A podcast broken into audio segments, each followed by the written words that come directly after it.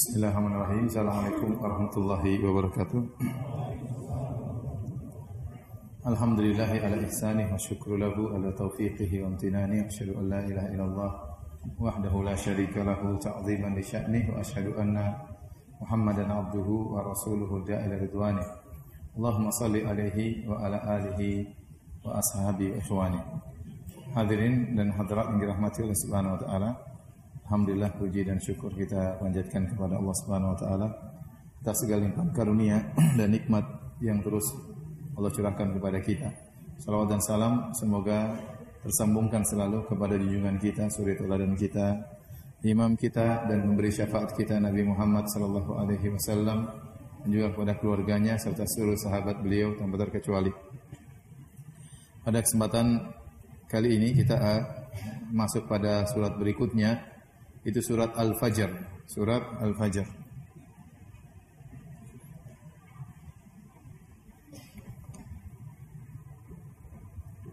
Surat Al-Fajr adalah surat Makkiyah.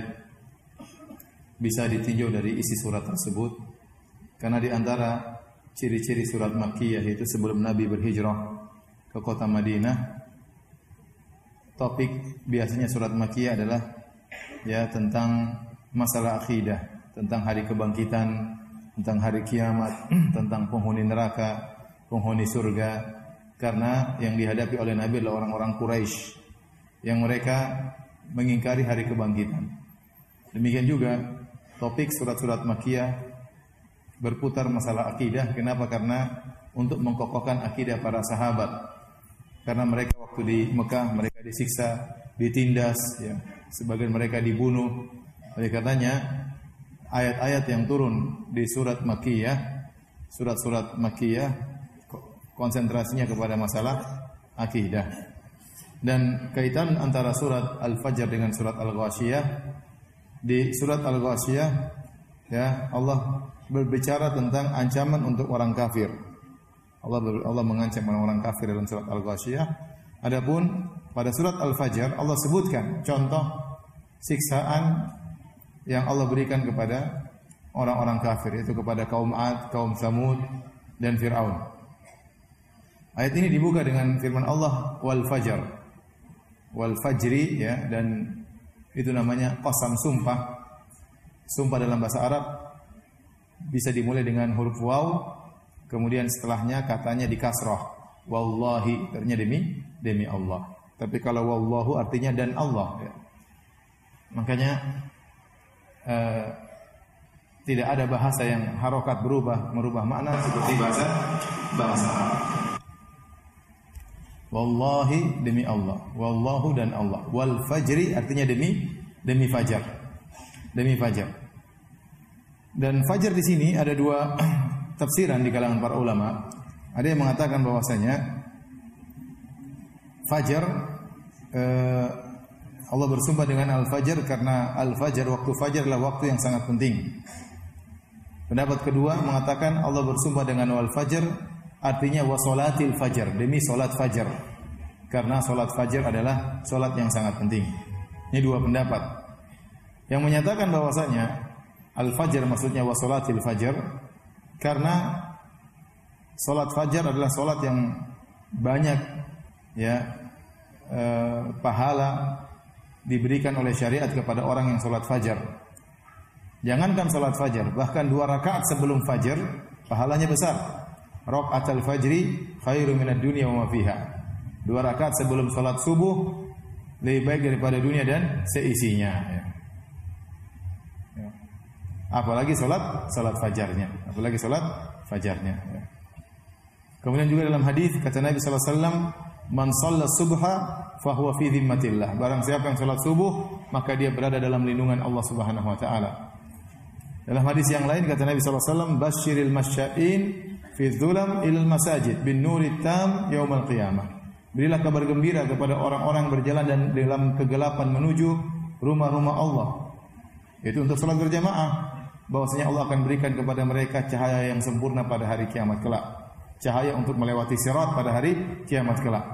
Di antaranya berjalan dalam kegelapan menuju salat adalah salat salat fajar. Salat fajar, salat isya. Kemudian juga Rasulullah SAW bersabda, "Man shallal bardain dakhala jannah." Barang siapa salat di waktu dua yang dingin adalah dia masuk surga. Al-bardain maksudnya al-bardan, salat fajar dan salat asar. Salat fajar yaitu orang bermalas-malasan salat fajar kenapa? Karena enak, orang tidur enak, kondisi dingin. Orang lebih tertarik untuk tidur daripada pergi ke masjid. Namun Rasulullah SAW motivasi barang siapa yang salat subuh dan salat asar. Salat asar pun demikian. Salat asar panas mulai hilang, mulai datang uh, waktu yang dingin. Sebagian orang malas salat asar Kenapa dia tidur siang nggak malas bangun ya, melanjutkan tidur siangnya? Atau sebagian orang salat asar ditinggalkan karena melanjutkan pekerjaannya ya. Oleh karenanya barang siapa yang salat dua salat ini, salat asar sama salat subuh, maka dia masuk surga kata Nabi Shallallahu alaihi wasallam. Karenanya dalam hadis Rasulullah SAW bersabda, "Innakum satarawna rabbakum kama tarawna hadzal qamar lailatal badri la tudamuna fi ru'yatihi."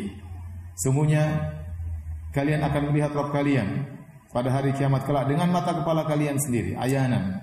Sebagaimana kalian melihat rembulan ini, kalian tidak akan tidak perlu berdesak-desakan untuk melihat Rob kalian. Sebagaimana kalau kita melihat rembulan tidak perlu berdesak-desakan karena cukup semua lihat ke atas akan melihat apa? Rembulan. Demikian juga melihat Allah. Ya. Kemudian kata Nabi, fa ini sata'tum alla tuglabu ala salatin qabla tulu'i syamsi wa qabla ghurubiha faf'alu. Kalau kalian mampu untuk tidak ketinggalan salat subuh sebelum terbenam matahari dan salat asar sebelum ter eh, salat subuh sebelum terbit matahari dan salat asar sebelum terbenam matahari maka lakukanlah. Di sini Nabi juga menyebutkan secara khusus untuk memperhatikan salat subuh dan salat salat asar. Dan Rasulullah kaitkan dengan masalah melihat Allah pada hari kiamat kelak. Sehingga sebenarnya ulama berdalil bahwasanya masalah akidah berkaitan dengan amal soleh. Kalau seorang yakin bahwasanya dia akan melihat Allah pada hari kiamat kelak di surga, maka dia tidak akan ketinggalan salat subuh dan tidak akan ketinggalan salat salat asar. Karena Nabi mengkaitkan antara melihat Allah dengan salat subuh dan salat asar. Sebagian yang lain tadi kita sebutkan pendapat pertama yang mengatakan bahwasanya Allah bersumpah wal fajri demi waktu fajar bukan demi salat fajar, bukan demi salat subuh. Ya, tadi pendapat yang kita sebutkan tadi di salat subuh dengan alasan-alasannya. Pendapat yang lain mengatakan wal fajar. Allah bersumpah dengan waktu fajarnya. Kenapa? Karena Allah ingin menjelaskan bahwasanya hanya Allah yang mengatur alam semesta ini. Sebagaimana tadinya gelap, gelap tersebut hilang datang fajar, maka mudah bagi Allah Subhanahu wa taala, tadinya orang sudah meninggal dunia, Allah akan bangkitkan. Allah yang mendatangkan cahaya, Allah yang menghilangkan cahaya. Maka mudah Allah yang matikan, Allah yang menghidupkan. Kenapa? Karena fokus pembicaraan kepada orang-orang musyrikin yang mereka menolak hari kebangkitan. Seakan-akan Allah berkata, lihatlah fajar muncul setelah tadinya gelap gulita. Ya, Allah yang mendatangkan cahaya sebagaimana Allah yang menghilangkan cahaya, maka demikian pula manusia. Allah yang memberikan ruh kepada mereka. Allah yang mencabut ruh dari mereka. Dan Allah akan mengembalikan ruh di hari kiamat dengan mudah di yaumil akhir. Kemudian juga al-fajr ya adalah awal dari kegiatan. Kenapa waktu fajar adalah waktu yang penting? Karena itu adalah awal dari kegiatan seorang. Seorang di malam hari tidur, di waktu fajar dia mulai kegiatannya. Maka itu waktu yang sangat penting dalam syariat. Kemudian al-fajar, al-fajar juga dibangun di atasnya hukum syar'i. Seperti awal puasa diketahui dengan kapan mulai orang dengan waktu fajar. Kapan orang mulai waktu salat subuh dimulai dengan terbitnya apa? Fajar. Yang ini menunjukkan bahwasanya uh, Allah bersumpah memang dengan berkaitan dengan waktu waktu fajar. Dan saya sudah sampaikan berulang-ulang bahwasanya dalam Al-Qur'an banyak sekali Allah bersumpah dengan waktu, ya.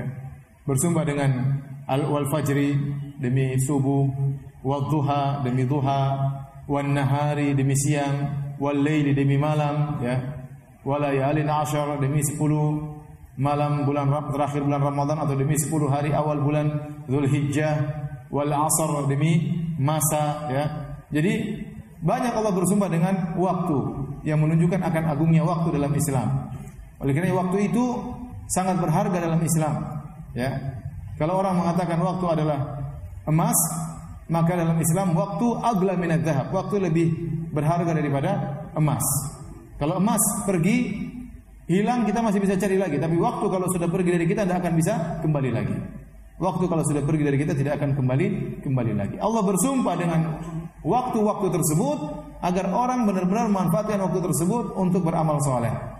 Makanya dalam Al-Quran Allah berfirman, وهو الذي جعل الليل والنهار خلفة لمن أراد أن يذكر أو أراد شكورا dan dialah Allah Subhanahu wa taala yang menjadikan malam dan siang silih berganti. Untuk apa? Liman arada ayyadzakkar bagi orang yang hendak mengingat Allah, mengambil pelajaran au arada syukura atau untuk bersyukur kepada Allah Subhanahu wa taala. Maka saya ingatkan kepada diri saya dan juga para hadirin hadirat, manfaatkan waktu dengan sebaik-baiknya. Waktu adalah nikmat yang kita akan diminta pertanggungjawaban atas nikmat tersebut. Bagaimana bukan nikmat? Kata Nabi SAW, Nikmatani magbunun fihima kathirun minan nas. Dua kenikmatan yang banyak orang terpedaya. Terpedaya tidak dimanfaatkan baik-baik. As-sehat wal farah. Kesehatan dan waktu waktu luang. Kata Nabi SAW, Iktanim khamsan qabla khamsin. Manfaatkan lima perkara sebelum datang lima perkara yang lain. Di antaranya faragaka qabla syughlik. Manfaatkanlah waktu luangmu sebelum datang waktu sibukmu. Bukankah Nabi SAW mengatakan, "Lan tazula qadama 'abdin hatta yus'ala an arba." Sungguhnya dua kaki seorang hamba tidak akan bergeser pada hari kiamat sampai ditanya tentang empat perkara. Di antaranya an umrihi fi ma'afna, tentang umurnya ke mana dia habiskan. Dan umur kita itulah waktu kita. Sebagaimana perkataan Hasan al-Basri, "Ya ibn Adam, inna ayyam." Wahai anak Adam, sungguhnya engkau adalah kumpulan dari hari-hari. Fa idza dhahabatil ayyam, kalau hari-hari sudah pergi, dhahaba ba'duk. Maka wa idza dhahaba ba'dul ayyam dhahaba ba'du. Kalau sebagian hari telah pergi, telah pergi sebagian dirimu karena telah pergi sebagian umurmu. Wa idza dhahaba ba'duk yushiku an yadhhab kullu. Kalau sebagian dirimu telah pergi, maka dikhawatirkan engkau akan pergi seluruhnya. Jadi waktu itu sangat berharga dalam dalam Islam dan dia adalah nikmat yang akan kita dimintai pertanggungjawaban. Saya tidak bosan-bosannya mengingatkan kita sekarang berada di zaman waktu terbuang-buang. Di zaman medsos, di zaman internet, di zaman berita, di zaman ya geliatnya politik. Hati-hati, betapa banyak waktu akhirnya terbuang. Kita mengikuti berita yang tidak ada habis-habisnya. Terkadang kita mengikuti perjalanan berita, perdebatan, bersambung, berminggu-minggu, berbulan-bulan yang ujungnya kita pun tidak tahu apa hasilnya. Mungkin kita tidak ikut berita itu semua, nanti datang satu orang cerita apa yang terjadi selama berbulan-bulan ini. Kesimpulannya dia mungkin sampaikan lima menit. Sementara kita berbulan-bulan ikuti, ternyata tidak ada manfaatnya buat kita. Oleh karenanya, kita di zaman sekarang banyak informasi, apa saja kita bisa ketahui. Tapi kebanyakan informasi tersebut tidak bermanfaat bagi kita. Tidak menjadikan kita sebagai seorang yang pakar, hanyalah wacana yang masuk yang tidak membentuk pola pikir tertentu, tidak membentuk keilmuan tertentu, tidak. Ya. Oleh karenanya waktu kita akhirnya banyak ter terbuang. Banyak sekali terbuang. Kalau di Arab Saudi, saya dulu waktu zaman kuliah belum ada medsos ya. Di jalan-jalan kita lihat tulisan uzkurullah, kita bersafar lihat ingatlah Allah. Astaghfirullah, la haula wala quwata illa billah. Sehingga kalau kita bersafar kita tertarik untuk berzikir. Kita lagi nunggu di lift ada tulisan imla ya daqaiqa bil istighfar ya penuhilah detik-detikmu dengan menit-menitmu dengan istighfar orang sambil menunggu beristighfar sekarang tidak ada orang nunggu pegang HP sudah bukan cuma antum saya juga ya sudah sudah HP tergantung apa yang dia baca manfaat atau atau tidak waktu benar-benar habis oleh karenanya kalau kita lihat tatkala Allah bersumpah dengan waktu kebanyakannya dikaitkan dengan ibadah tadi saya katakan wal fajri Sebagian ulama ber, ber, menafsirkan maksudnya wasolatil fajri. Demi solat fajar. Kenapa di waktu fajar itu ada ibadah yang luar biasa. Itu solat, solat subuh. Waktu Allah bersumpah wadduha demi waktu duha. Sebagian ulama menafsirkan kenapa Allah bersumpah dengan waktu duha karena di situ ada orang-orang salat duha. Waktu Allah bersumpah wal asri demi masa. Sebagian orang menafsirkan maksudnya demi asar. Kenapa demi asar? Karena itu ada solat asar, solat yang sangat diagungkan oleh Allah Subhanahu wa taala. Tatkala Allah bersumpah walayalin ashar demi 10 malam maksudnya apa 10 malam terakhir di bulan Ramadan agar orang semangat beribadah di malam-malam tersebut sehingga Allah agungkan malam-malam tersebut atau maksudnya 10 hari pertama di bulan Dzulhijjah dan ibadah di 10 hari pertama bulan bulan Dzulhijjah juga ibadahnya sangat sangat agung karenanya ikhwan dan akhwat yang dirahmati oleh Subhanahu wa taala jangan kita terpedaya waktu kita habis baca Quran tidak sempat, ya. Berbakti sama orang tua tidak sempat, nelpon orang tua lupa terus. Sementara kita sibuk baca Facebook, baca Twitter, baca Instagram, ya. Berjam-jam kita lihat, entah yang kita lihat halal atau yang haram kita tidak tahu ya. Oleh karenanya waktu kita bukan cuma terbuang pada perkara yang sia-sia, terkadang terbuang pada perkara-perkara yang haram. Waliyadzubillah. Oleh karenanya ingat dalam Islam waktu itu sangat berharga dan waktu adalah nikmat yang kita akan diminta pertanggungjawaban oleh Allah Subhanahu wa taala. Baik. Ayat pertama wal fajri demi fajar. Ayat yang kedua kata Allah Subhanahu wa taala walayalin ashar.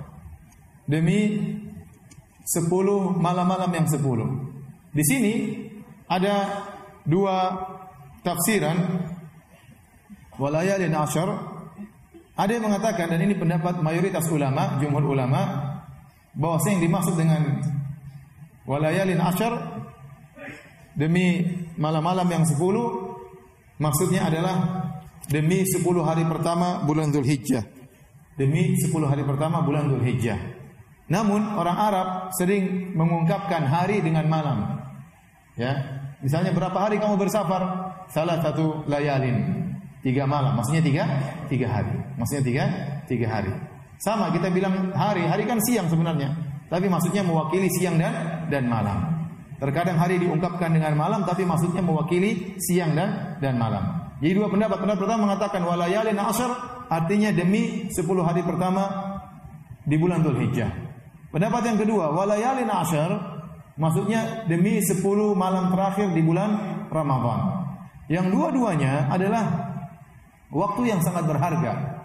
10 malam terakhir bulan Ramadhan ada malam yang sangat mulia, malam Lailatul Qadar. 10 awal hari bulan Dhul Hijjah ada hari-hari yang mulia, ada hari Arafah, ada hari Tarwiyah, ada hari Nahar, hari-hari yang agung untuk beribadah kepada Allah Subhanahu wa taala. Namun pendapat mayoritas ulama, jumhur ulama bahwasanya walayalin asr maksudnya demi 10 hari pertama bulan Zulhijjah.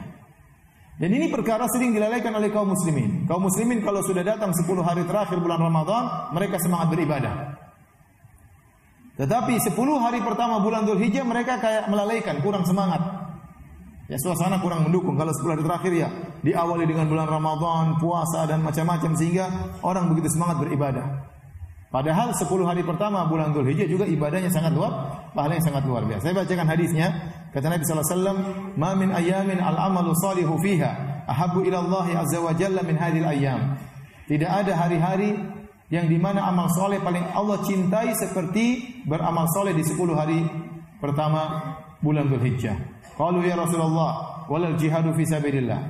Apakah lebih Allah sukai beramal soleh di 10 hari Dhul Hijjah daripada jihad di jalan Allah? Kata Nabi, walal jihadu fi sabilillah. Iya. Lebih Allah sukai daripada jihad fi sabilillah. Ya. Illa rajulun kharaja bi nafsi wa malihi falam yarji' min dalika bi. Kecuali seorang yang keluar dengan jiwanya dan hartanya kemudian dia tidak balik sama sekali. Hartanya direbut oleh musuh, jiwanya diambil oleh musuh. Artinya dia mati syahid. Baru pahalanya sama seperti orang yang beramal soleh di 10 hari awal bulan Dhul Hijjah. Kalau di Arab Saudi, 10 awal bulan Dhul Hijjah, bulan-bulan beramal memang luar biasa. Orang tiap hari puasa. Masjid Nabawi tiap hari buka, ada acara buka puasa. Di mana-mana orang jalan bertakbir, berzikir, orang bersedekah di 10 hari pertama bulan Dhul Hijjah. Ini yang saya bilang kurang hidup di tanah air kita. Yang hidup ibadah 10 malam terakhir itu pun setengah hidup ya.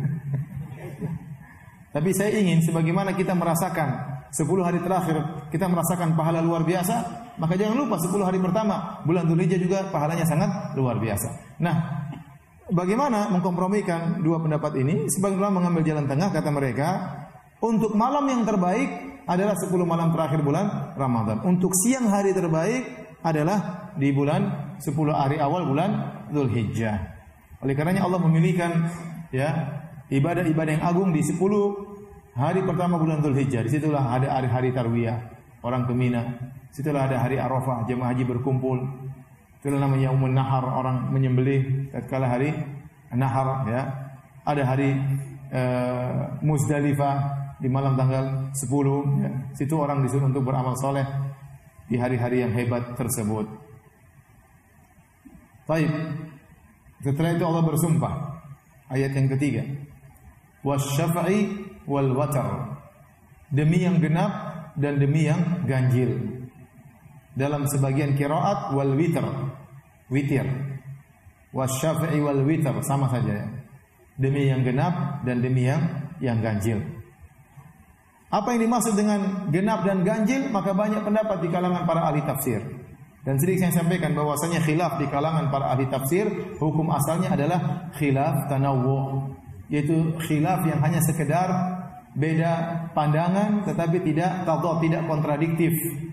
Hanya sekedar khilaf tentang contoh, seperti mereka khilaf tentang ihdinas siratal mustaqim. Tunjukkanlah kepada kami jalan yang lurus. Apa yang dimaksud dengan siratal mustaqim? Ada yang mengatakan Al-Qur'an, ada yang mengatakan hadis-hadis Nabi, ada yang mengatakan surga, ada yang mengatakan hidayah. Ya, ini semua tidak bertentangan, semuanya benar. Ya. Semuanya benar. Ya. Sama seperti tatkala mereka berbicara tentang wasyafa'i wal watar. Apa yang dimaksud dengan yang ganjil dan genap? Maka berbagai pandangan di kalangan para ulama. Ada yang mengatakan yang dimaksud dengan yang ganjil adalah solat-solat yang adalah solat maghrib yang genap maksudnya solat subuh, solat duhur, solat asar dan solat isya. Ya. Ada yang mengatakan demikian. Ada yang mengkaitkannya dengan hari-hari haji. Yang dimaksud dengan wasyafa maksudnya hari tarwiyah dan hari nahar.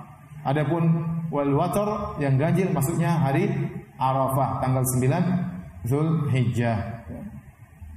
Ada yang mengatakan bahwa yang disebut dengan wasyafa demi yang genap itu seluruh selain Allah Subhanahu wa taala. Karena seluruh di alam semesta ini Allah ciptakan dengan berpasang-pasangan. Wa min kulli syai'in khalaqana zawjaini la'allakum tadhakkarun. Segala sesuatu kami ciptakan berpasang-pasangan.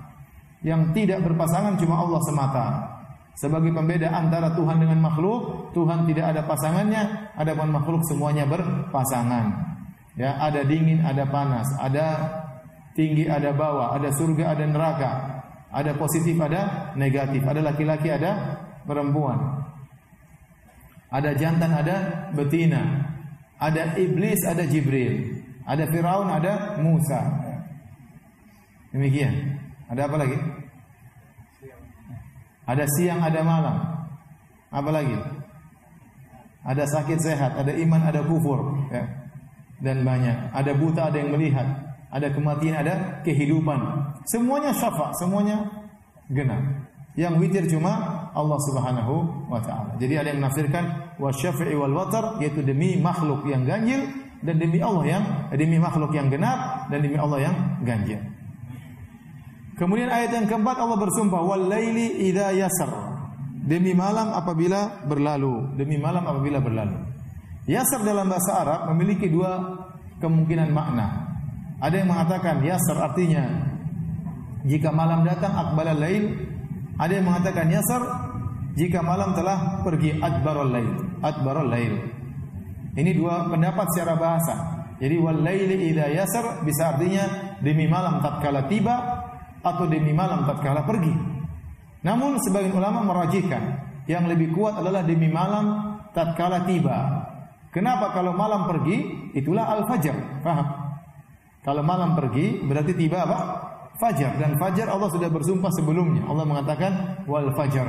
Nah, Allah tidak mengulangi lagi. Oleh karenanya wal wal laili idza yasar makna yang benar yang lebih kuat adalah tatkala malam tatkala malam tiba.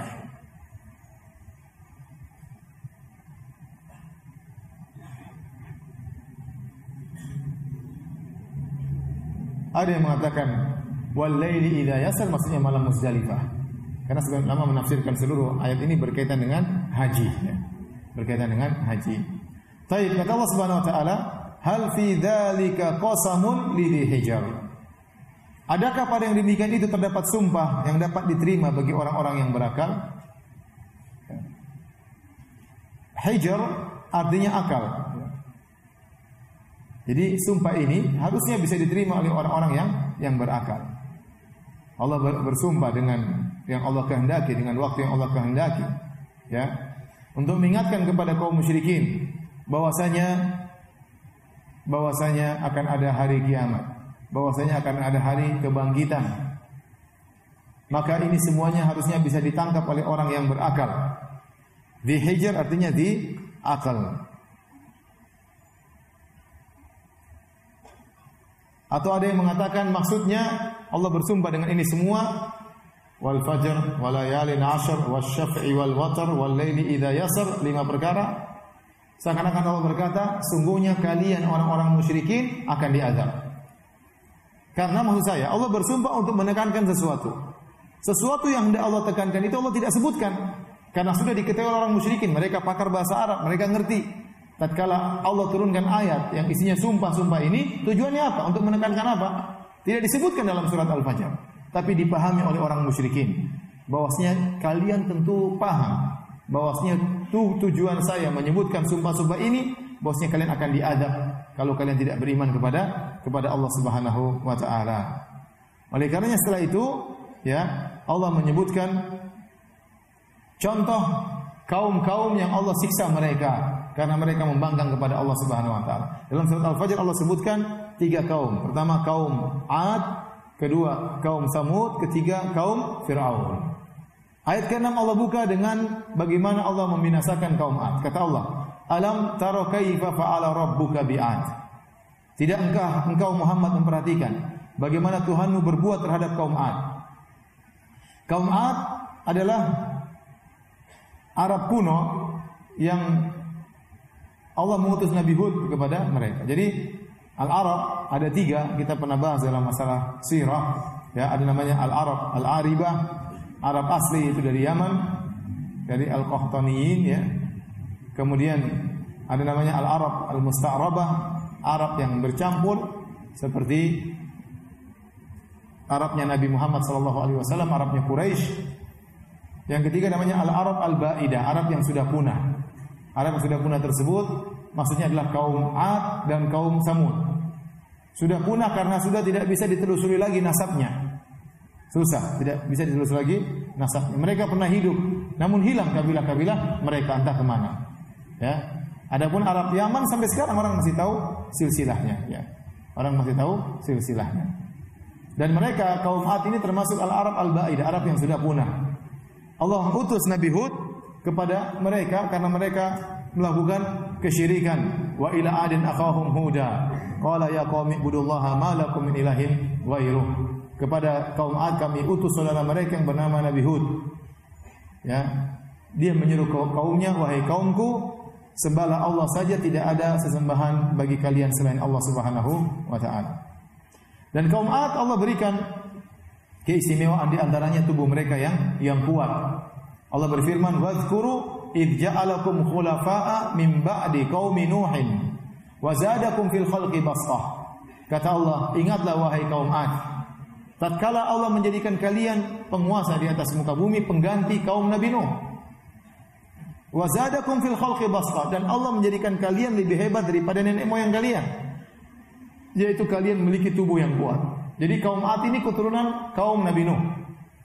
Bahkan kaum Ad disebutkan oleh ahli sejarah keturunan Nabi Nuh alaihissalam. Tetapi Nabi Nuh memiliki umur yang panjang, tetapi tubuhnya biasa. Adapun kaum Ad Allah beri kelebihan, wazadakum fil khalqi bastah, tubuh mereka kuat. Oleh karenanya para ahli tafsir khilaf berapa tingginya kaum Ad. Ada yang mengatakan tingginya 150 meter. 300 hasta. Ini masih nggak cukup berarti kalau salah. Ada yang mengatakan tingginya 60 hasta, sekitar 30 meter. Dan berbagai macam pendapat di kalangan ahli tafsir. Namun itu semua dibantah oleh Ibnu Katsir, kata Ibnu Katsir, manusia tertinggi hanya tingginya 60 hasta, yaitu 30 meter itu Nabi Adam alaihissalam. Karena Nabi sallallahu alaihi wasallam pernah bersabda, "Khalaqallahu Adam wa tuluhu situna dhira'an." Allah menciptakan Adam dan tingginya adalah 60 hasta, yaitu sekitar 30 meter. Kemudian kata Nabi SAW, falam yazalil khalqu yang kusuh hatal an. Setelah itu manusia memendek ya sampai sekarang, sampai sekarang. Jadi kata Ibnu Katsir, orang paling tinggi Nabi Adam ya tingginya 30 meter. Adapun kaum Ad mungkin tubuhnya besar, tapi tidak akan sampai lebih dari 30 meter. Setelah itu kata Allah, ya, sampai ahli tafsir sebutkan bagaimana kuatnya kaum Ad. Kalau mereka lagi ngamuk, kaum Ad satu orang lagi ngamuk sama kaum yang lain, mungkin ingin menyerang kampung lain, maka saat, kirim satu orang aja ke kampung tersebut. Dia angkat batu besar tinggal lempar ke satu kampung tewas semuanya. Saking apa? Kuatnya. Itu Israeliat, tapi kita nggak tahu benar atau tidak. Tapi intinya intinya tubuh mereka kuat. Dan Allah sebut dalam Al-Qur'an. Kata Allah, "Irama dzatil imad." Yaitu penduduk Iram yang mempunyai bangunan-bangunan yang tinggi. Iram ini ada dua pendapat di kalangan ahli tafsir. Ada yang mengatakan Iram adalah nenek moyangnya Ad. Ad bin Awad bin Iram bin Sam bin Nuh. Jadi Ad bin Awad bin Iram, jadi kakeknya namanya Iram. Bin Sam bin Nuh. Keturunan Nabi Nuh alaihissalam. Sebenarnya mengatakan Iram adalah nama kota. Iram adalah nama nama kota. Irama artinya kota Iram yang pernah ditinggali oleh kaum Ad, Zatil Imad, yang kota tersebut memiliki bangunan yang tinggi. Imad artinya tiang-tiang yang tinggi. Sehingga sebagian dalam buku-buku tafsir menyebutkan kota Iram inilah kota yang paling indah. Makanya setelah itu Allah berfirman, ya, eh, allati lam yukhlaq mithluha fil bilad. Yang tidak pernah diciptakan seperti itu di atas muka bumi sebelumnya tidak ada sehingga mereka mengatakan Iram adalah nama kota yang tinggi ya yang luar biasa. Sampai disebut dalam sebagian cerita ada seorang pernah tersesat kemudian dia melihat melihat sebuah pemandangan yang luar biasa. Ada kota yang sangat luar biasa bangunan sangat tinggi sampai jembatannya sih terbuat dari emas rumah-rumah terbuat dari emas. Ternyata itu adalah kotanya kaum Ad. Namun ini semua dibantah oleh Ibnu Katsir. Kata Ibnu Katsir yang dimaksud dengan Iram bukan nama kota. Yang dimaksud dengan Iram adalah kakeknya siapa? Kakeknya Ad. Kakeknya Ad. Ad bin Awad bin Iram. Bin Iram. Ya. Iram Adzatil Imad maksudnya mereka memang memiliki uh, tempat tinggal yang tinggi, tempat tinggal yang tinggi. Ya, ada yang mengatakan mereka tinggal di padang pasir dengan kemah-kemah. Ya, namun ini tidak benar. Karena kalau mereka tinggal di kemah-kemah, waktu Allah kirimkan azab, ya kata Allah fasbahu la yura illa masakinuhum. Jadilah mereka hilang seluruhnya, tidak ada yang kelihatan kecuali tempat tinggal mereka. Jadi waktu Allah kirimkan angin, mereka semua binasa, tapi tempat tinggal mereka tidak rusak. Menunjukkan bahwasanya tempat tinggal mereka memang apa? kokoh. Tapi sekarang sudah tidak ditemukan bekasnya di mana. Ya, karena uh, Ad ini tinggal di tempat namanya Al-Ahqaf. Al-Ahqaf itu letaknya antara negeri Oman dengan Hadramaut Yaman. Yang sekarang isinya padang padang pasir. Tidak ada yang pernah menemukan di mana kotanya kaum Ad. Adapun penelitian-penelitian tidak bisa dibuktikan. Yang jelas sudah tertutup dengan pasir tidak tahu di mana uh, posisi kaum Ad tapi disebutkan mereka tinggal di Al-Ahqaf itu di daerah antara Oman dengan uh, dengan Hadramaut. Baik, hadirin dan hadirat yang rahmati Allah Subhanahu wa taala. Secara singkat kaum Ad ini artinya sombong, sombong dengan kekuatan mereka. Mereka berkata man asyaddu minna quwwah. Siapa yang lebih kuat dari kita? Kita ini paling kuat. Kata Allah awalam yarau anna Allah alladhi khalaqahum huwa asyaddu minhum quwwah. Tidakkah mereka tahu bahwasanya Allah yang menciptakan mereka lebih kuat daripada daripada mereka? Ternyata begitu sombongnya ya Allah binasakan mereka dengan mudah hanya Allah kirim apa? Angin. Allah kirimkan angin. Sakharaha alaihim sab'a layalin wa thamaniyata ayamin husuma. Allah datangkan angin kemudian angin mengangkat mereka. Kemudian mereka diombang-ambingkan di udara ya. Tujuh malam delapan hari. Tujuh malam delapan siang diombang-ambingkan. Kemudian setelah diombang-ambingkan begitu kuat ya ya apa namanya dengan angin yang sor-sor yaitu angin yang sangat memekakkan telinga mereka dan sangat dingin, sangat dingin. Allah tidak kirim angin panas kepada mereka. Kalau Allah kirim angin panas, mereka langsung meleleh tubuh mereka. Tapi Allah kirim angin yang sangat dingin, yang sangat menyakitkan mereka. Angin ter dingin tersebut masuk dalam tulang mereka, kemudian diputar oleh Allah dengan suara yang sangat mengerikan. Saking begitu kuat putaran kencangan kencang angin tersebut, sampai perut mereka robek, keluarlah usus mereka di udara tersebut. Ya, sampai akhirnya setelah 8 hari Allah putar mereka, mereka pun jatuh ke annahum a'jazu nakhlin munqair. Mereka seperti batang korma yang dalamnya kosong. Mungkair itu batang korma yang dalam sudah kosong. Kenapa? Karena isi perut mereka sudah keluar semua, sudah terkuras. Yang ada tinggal kulit, tulang kemudian jatuh. Ya, ada yang mengatakan jatuh kepala yang sudah lepas seperti pohon korma yang tidak ada daunnya. Seperti pohon korma yang sudah tidak ada kormanya, tidak ada daunnya, demikian kaum Ad. Waktu da, da, jatuh ke ke bumi, kepalanya sudah nggak ada. Saking kuatnya angin membawa mereka, lepaslah kepala kepala mereka. Hadirin dan hadirat yang Allah Subhanahu wa taala. Bayangkan anginnya kuat sekali ya. Padahal mereka kuat-kuat, ngangkat batu kuat ya. Mungkin ngangkat gunung juga kuat. Tapi diangkat sama angin nggak bisa berbuat apa-apa. Allah tidak kirim besi untuk habisi mereka, enggak. Enggak perlu besi. Enggak perlu batu untuk hancurkan mereka, cukup angin. Angin, bayangkan angin apa yang sekuat itu? Saya belum pernah lihat angin nerbangkan kucing, belum pernah saya lihat. Ya.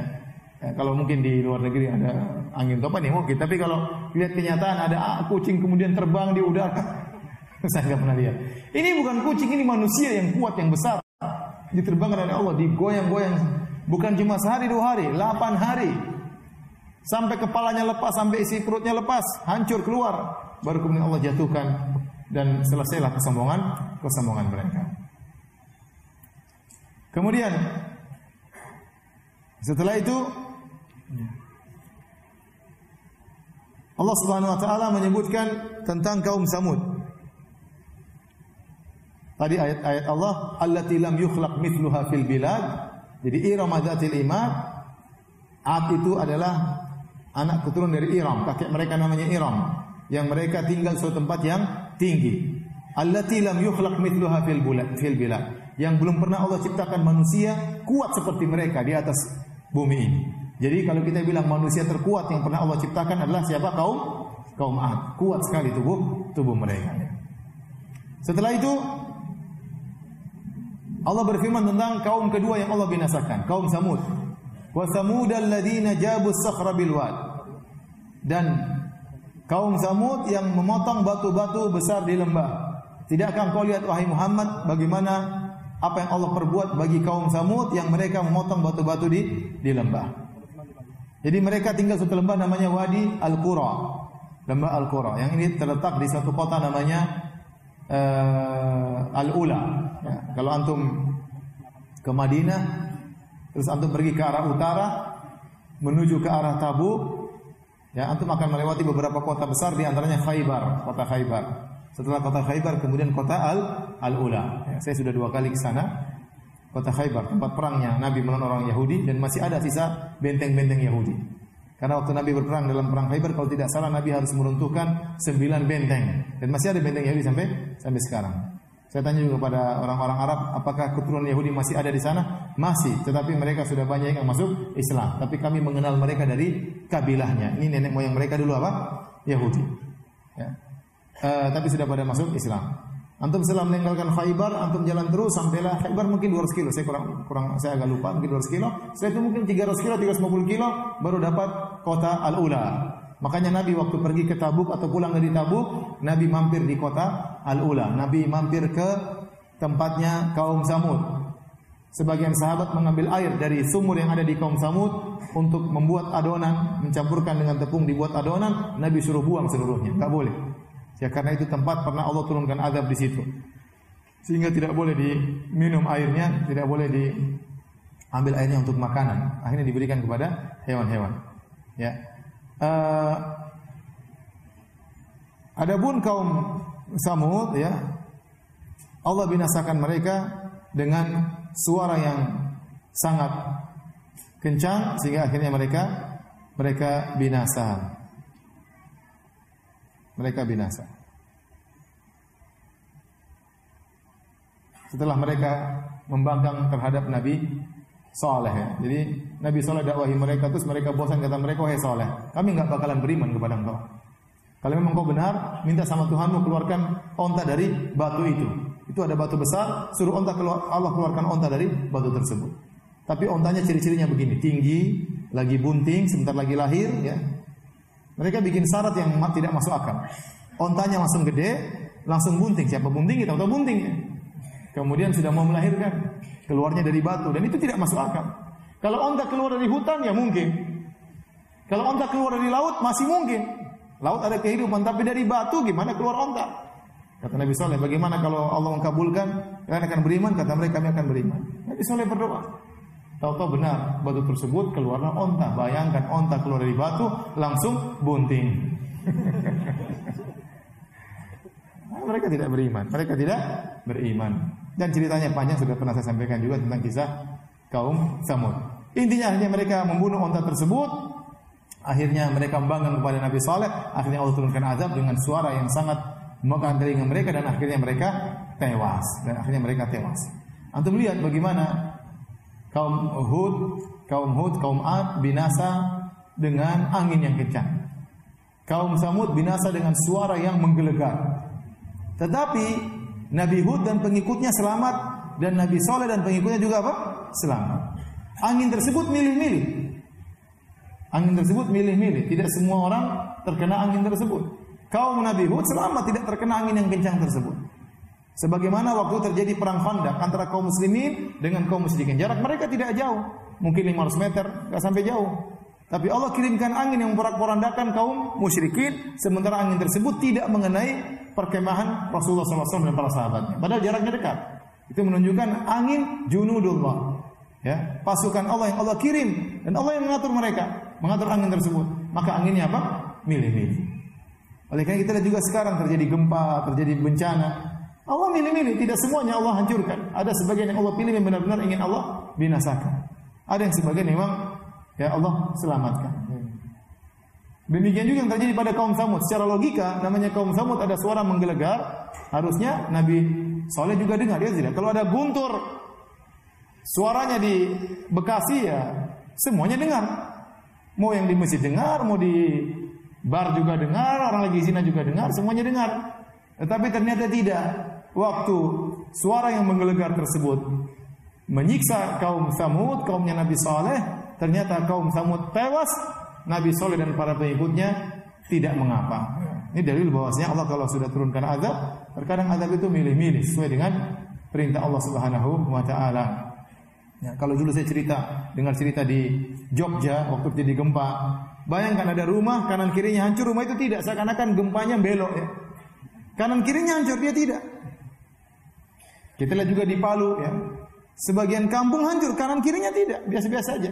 Tapi kampung tersebut benar-benar hancur. Memang memang dipilih kampung itu untuk di, diberi uh, hukuman dari Allah Subhanahu wa taala, diberi bencana oleh Allah Subhanahu wa taala. Kemudian kata Allah Subhanahu wa taala, "Wa fir'auna dzil autar." Azan ya? Dah? Menit lagi. Wa fir'auna dzil autar. Demi Fir'aun yang memiliki autat. Autat adalah pasak-pasak yang digunakan untuk membuat kemah-kemah besar dipasang tali di situ namanya al-autad al-autad nah apa maksudnya? Allah berfirman wa fir'auna dzil autad Fir'aun yang memiliki tali-tali. Ada khilaf di kalangan para ahli tafsir. Ada yang mengatakan tali-tali tersebut pasak-pasak tersebut di zaman Fir'aun Fir'aun bikin kemah besar-besaran. Kemudian dia bermaksiat bermain-main di situ.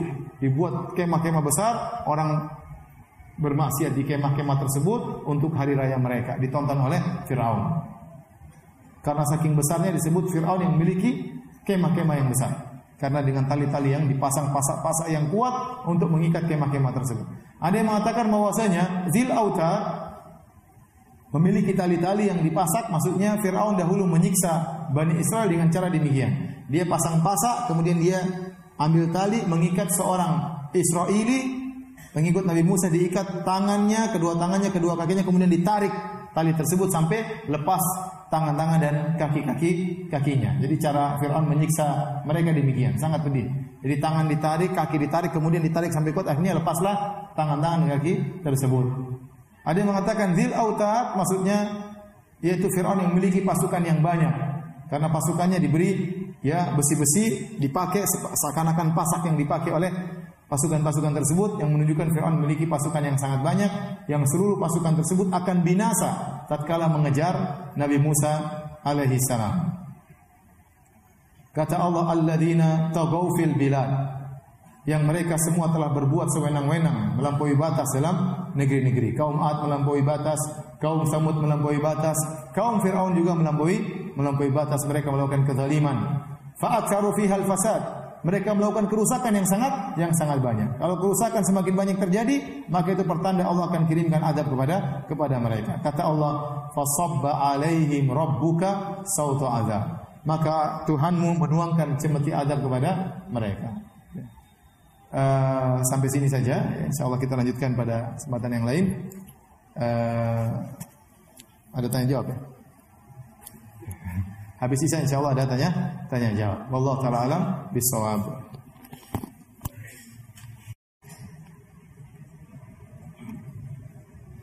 Bismillahirrahmanirrahim. Assalamualaikum warahmatullahi wabarakatuh.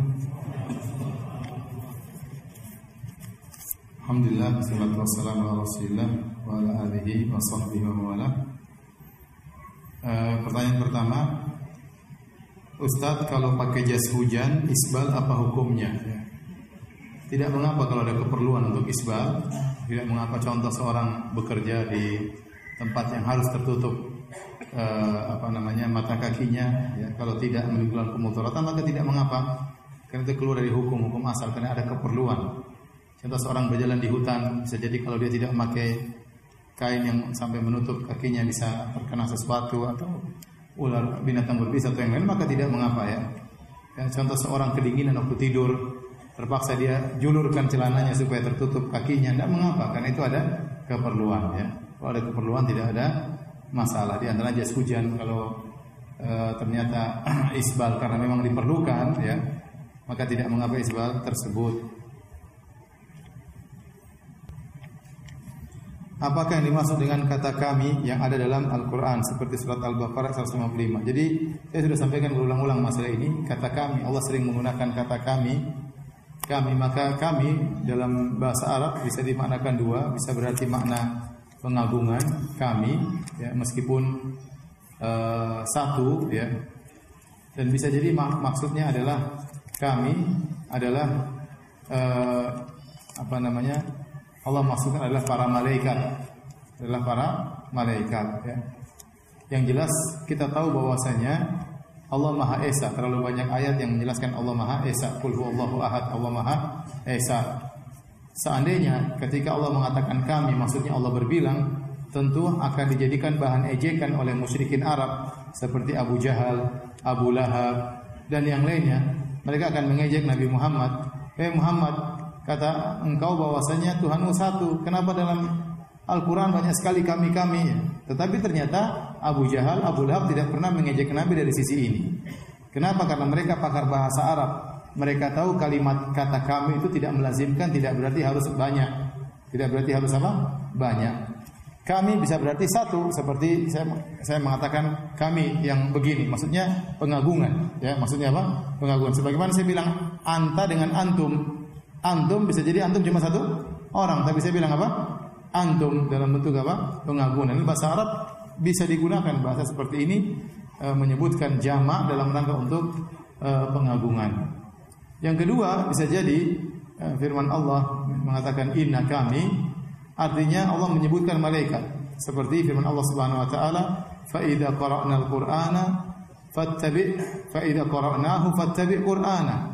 Kalau kami bacakan Al-Qur'an maka ikutilah. Maksudnya kami sih malaikat Jibril. Karena Allah tidak membacakan Al-Quran langsung kepada Nabi. Tetapi yang baca Al-Quran siapa? Malaikat Jibril. Ya. Malaikat Jibril.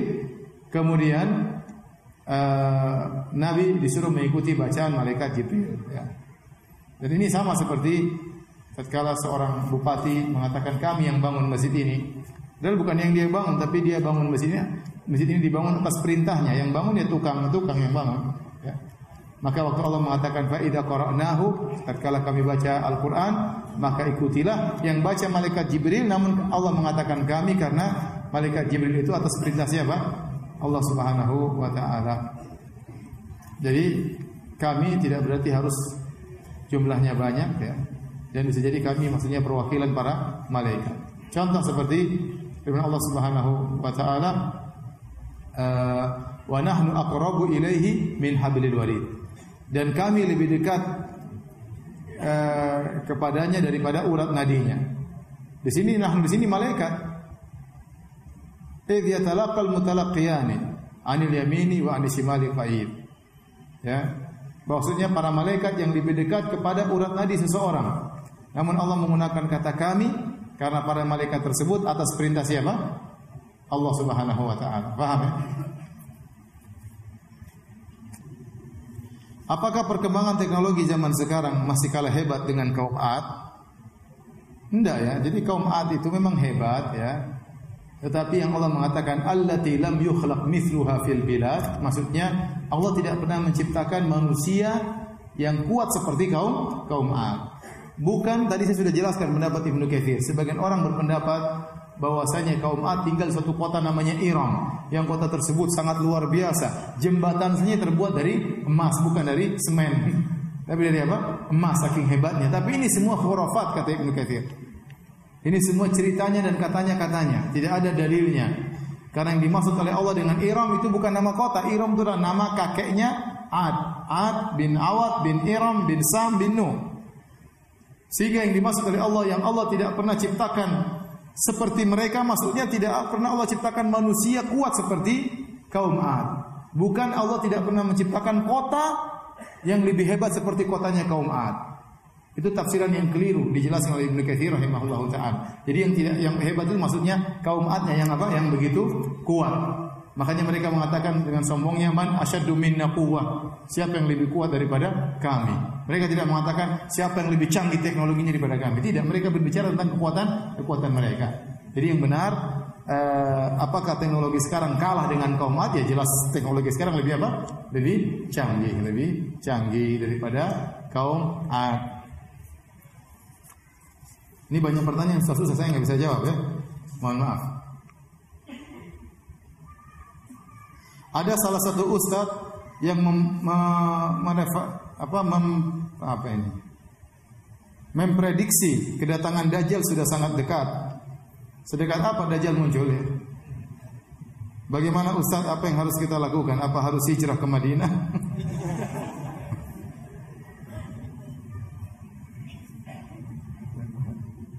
uh,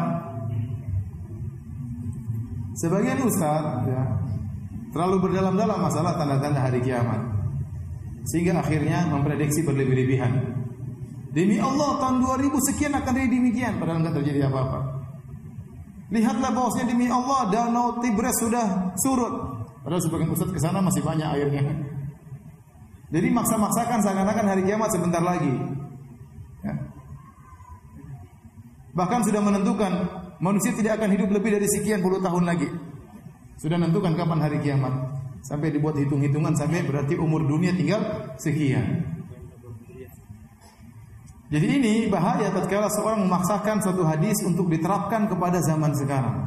Ini berbahaya. Ya. Dan sudah terjadi orang-orang yang menyimpang sebelum ini. Ya. Bahwasanya Imam Mahdi sudah muncul. Seperti itu. Imam Mahdi sudah muncul. Sampai waktu ISIS keluar dengan panji-panji berwarna hitam bertulis la ilaha illallah, itu Imam Mahdi. Karena bendera Imam Mahdi panji-panji bertuliskan la ilaha illallah. Padahal ISIS ya. Apakah setiap ada tanda yang sama dengan Imam Mahdi kemudian dikatakan pengikut Imam Mahdi? Ini tidak, tidak berarti terlalu maksa-maksakan. Sebelumnya saya pernah dengar juga waktu Raja Abdullah meninggal, mereka bawakan hadis akan ada tiga anak khalifah yang beribut bertengkar untuk memperebutkan kekuasaan. Itulah nanti kalau Raja Abdullah meninggal akan terjadi pangeran ribut-ribut. Ternyata tidak ada apa-apa, ganti Raja Salman, nggak ada ribut. Nah sekarang mereka lagi, nanti kalau Salman meninggal akan ada tiga pangeran ya. Itulah situ saatlah muncul Imam Mahdi tatkala terjadi tiga anak khalifah yang bertengkar. Ya. Seperti itu sebelumnya juga Raja siapa namanya Raja Fahad juga dikatakan demikian. Terus-terusan seperti itu sampai kapan begitu? Sampai ada sebagian dai yang ceramah di luar negeri. Saya ketemu saya juga ke sana. Mereka cerita, Ustaz itu ceramah sampai-sampai seakan-akan sebentar lagi mau kiamat. Kata dia, belilah kuda, belilah kuda karena sebentar lagi akan habis minyak bumi, kemudian akan turun meteor dan macam-macam. Sudah nggak akan ada manfaat mobil udah beli kuda. Ada yang sebagian beli kuda. Ya, subhanallah. Kita khawatir kapan hari kiamat. Kita khawatir hari kebangkitan. Tapi jangan berlebihan seperti itu. Sampai disebut oleh sebagian ulama ada orang yang saking ketakutan dia mau bangun rumah nggak jadi. Oh disebut ngapain bangun rumah sebentar lagi hari kiamat. Ada yang mau poligami nggak jadi ngapain poligami sebentar lagi hari kiamat. jadi maksud saya orang takut dengan hari kiamat itu harus takut hari kebangkitan. Tapi dengan memprediksikan seperti itu sampai nekat sampai pasti pasti apa bedanya dengan dukun Dan ternyata salah prediksi. Dajjal sudah muncul. Muncul di mana? Itu ada anak di Israel matanya cuma satu. Ya itu anak cacat ente bilang Dajjal kasihan. Itu kasihan cacat.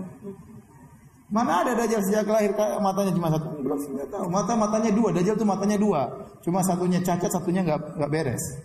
Bukan matanya satu di tengah sini. Ya. Ada ada yang parah. Donald Trump itu Dajjal kata gue. Dajjal kayak gitu, semua orang bisa bunuh kalau begitu. Ya, Dajjal tuh hebat. Bukan kayak Donald Trump ya. Donald, Donald Trump dibilang Dajjal merendahkan derajat Dajjal itu. Orang macam-macam. Udah ente bertakwa kepada Allah. Jangan maksa-maksakan tiba hari kiamat. Kita ini pasti ingin beribadah, tidak mau hari kiamat. Imam Mahdi sudah muncul lah, apa sudah muncul lah, Nabi Isa sudah turun lah. Saya sudah ketemu berapa orang yang aku Imam Mahdi banyak. Pernah saya naik kapal dari Papua ke Surabaya kalau nggak salah. Terus saya ceramah, kata ABK-nya, Ustaz sudah tidur di kelas di ekonomi. Ustaz tidur di kelas saja. Oh nggak boleh, ini kan punya negara. Nggak apa-apa Ustaz kemarin juga ada Imam Mahdi kita taruh di kelas. Imam Mahdi. Imam Mahdi naik kapal ekonomi. Jadi ah ya subhanallah maksa-maksa Dajjal sudah muncul sebentar lagi sudah muncul ya. Ya Dajjal mungkin sudah ada, mungkin akan muncul tapi buat apa isu seperti itu? Dajjal akan muncul kalau Dajjal sudah tidak disebut di podium-podium lagi. Sudah dilupakan baru Dajjal akan apa? Keluar. Sekarang orang masih ceramah bilang-bilang Dajjal. Ustaz Ustaz Sunnah masih ceramah masih tentang apa? Dajjal. Dajjal itu muncul kalau sudah dilupakan dari mimbar-mimbar. Ustaz bolehkah salat duha dibagi menjadi dua waktu? Menjadi dua waktu. Misal jam 7 pagi dua rakaat, jam 10 dua rakaat. Boleh-boleh aja apa Bebas nanti mau salat itu waktu bebas untuk salat dari waktu syuruk sampai 7 menit sebelum adzan duhur. Itu waktu mau sholat terserah. Dan itu semua termasuk duha. Itu termasuk waktu duha. Cuma duha yang paling sempurna adalah sekitar jam 10-an. 10 setengah 11 itu duha yang paling sempurna, yang paling diharapkan sholat di waktu itu.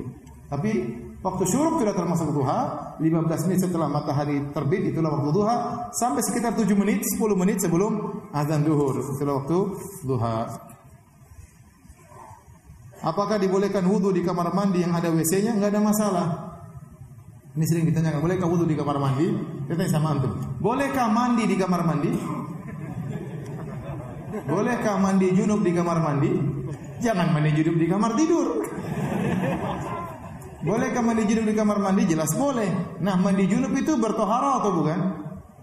Bertohara, mandi junub itu bersuci. Sama wudhu juga bersuci. Maka tidak mengapa bersuci di kamar mandi nggak ada masalah. Nah, mau bilang Bismillah di luar sebelum masuk Bismillah masuk baru kemudian berwudu.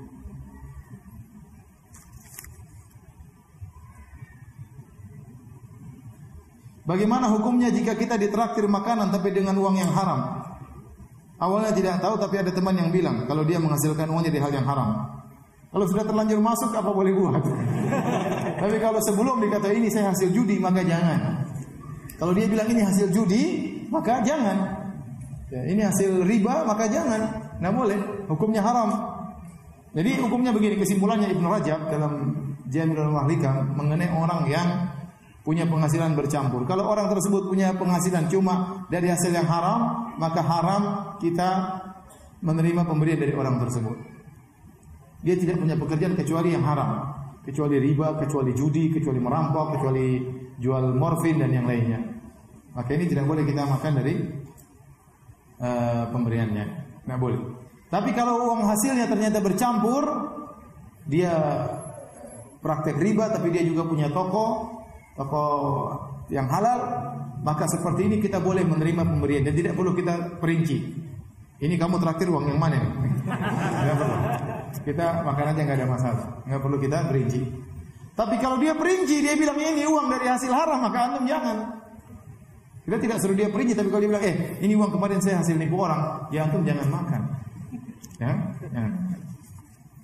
Di antara kawan-kawan saya, di antara ustadz-ustadz, ada yang ketat dalam masalah ini. Dalam masalah ini. Saya tidak ingin sebut namanya, tapi di antara kawan-kawan kita ada seperti itu. Teman saya jemput dia, kemudian makan pagi. Ditanya, eh, Fulan, ini uang haram atau uang halal? Kamu terakhir saya. Kenapa Ustaz? Ya, saya tanya, ini uang halal atau haram? Halal Ustaz. Dia tidak mau ada sesuatu yang masuk dalam dirinya, Bang. Yang, yang, yang diragukan ya.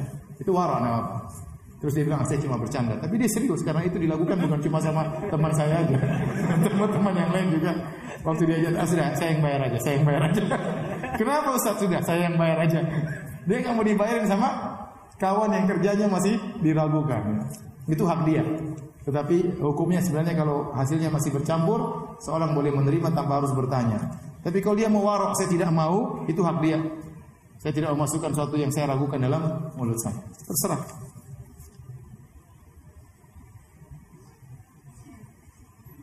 Bagaimana adab kita terhadap ahlul bid'ah? Apakah tidak boleh bermudah-mudah? Masalah ahlul bid'ah ya tergantung situasi dan kondisi. Kalau memang ber, berbuat baik kepada mereka, mendatangkan kemaslahatan, nggak ada masalah ya. Kalau kita berbuat keras terhadap mereka ada maslahat maka lakukanlah. Jadi hajrul mubtadi mengambil sikap tegas kepada ahlul bidah itu melihat maslahat dan mudarat. Bisa berubah situasi dan kondisi bisa berbeda antara satu tempat dengan tempat yang yang lainnya. Tidak dipukul rata, tidak disamakan. Demikian juga melihat perbedaan antara bid'ah yang dilakukan, bid'ah berkaitan akidah atau tidak, bid'ah besar atau bid'ah kecil, semua jadi bahan pertimbangan para ulama dalam menghadapi suatu permasalahan. Bagaimana hukum hijab yang harus dipakai oleh wanita Ustaz? Apakah boleh memakai kerudung yang tidak terlalu panjang tapi menutupi dada agar tidak terlalu membentuk? Saya memakai gamis apakah seperti dibolehkan Ustaz? Intinya masalah jilbab yang penting tidak menimbulkan bentuk tubuh karena yang Nabi larang adalah kasiyatun ariyatun ma'ilatun mumilatun. Kata Nabi ada wanita-wanita yang di, di azab di neraka jahanam yang mereka kasiat ariyat, berpakaian tapi telanjang. Apa maksudnya berpakaian tapi telanjang? Bisa jadi pakaiannya terlalu kecil. Pakaian anak-anak dipakai sama dia. Akhirnya nggak cukup kelihatanlah pahanya, kelihatan ininya, ya. Itu namanya berpakaian tapi telanjang. Pakaiannya ada tetapi banyak bagian tubuhnya yang terbuka, ya. Ada ada juga tafsiran kasiyatun ariyat berpakaian tapi tembus pandang, ya. Dia berpakaian tapi kelihatan kulitnya dari luar, sama dengan berpakaian tapi telanjang. Ada tafsiran berpakaian tapi telanjang artinya berpakaian tapi ketat, menunjukkan bentuk-bentuk tubuhnya gunung-gunung dan bukit-bukit kelihatan. Ini tidak diperbolehkan. Ini sama dengan berpakaian tapi telanjang. Maka seorang kalau pakai jilbab, misalnya jilbabnya tidak sampai di bawah, tapi di bawahnya gombrang, nggak ada masalah.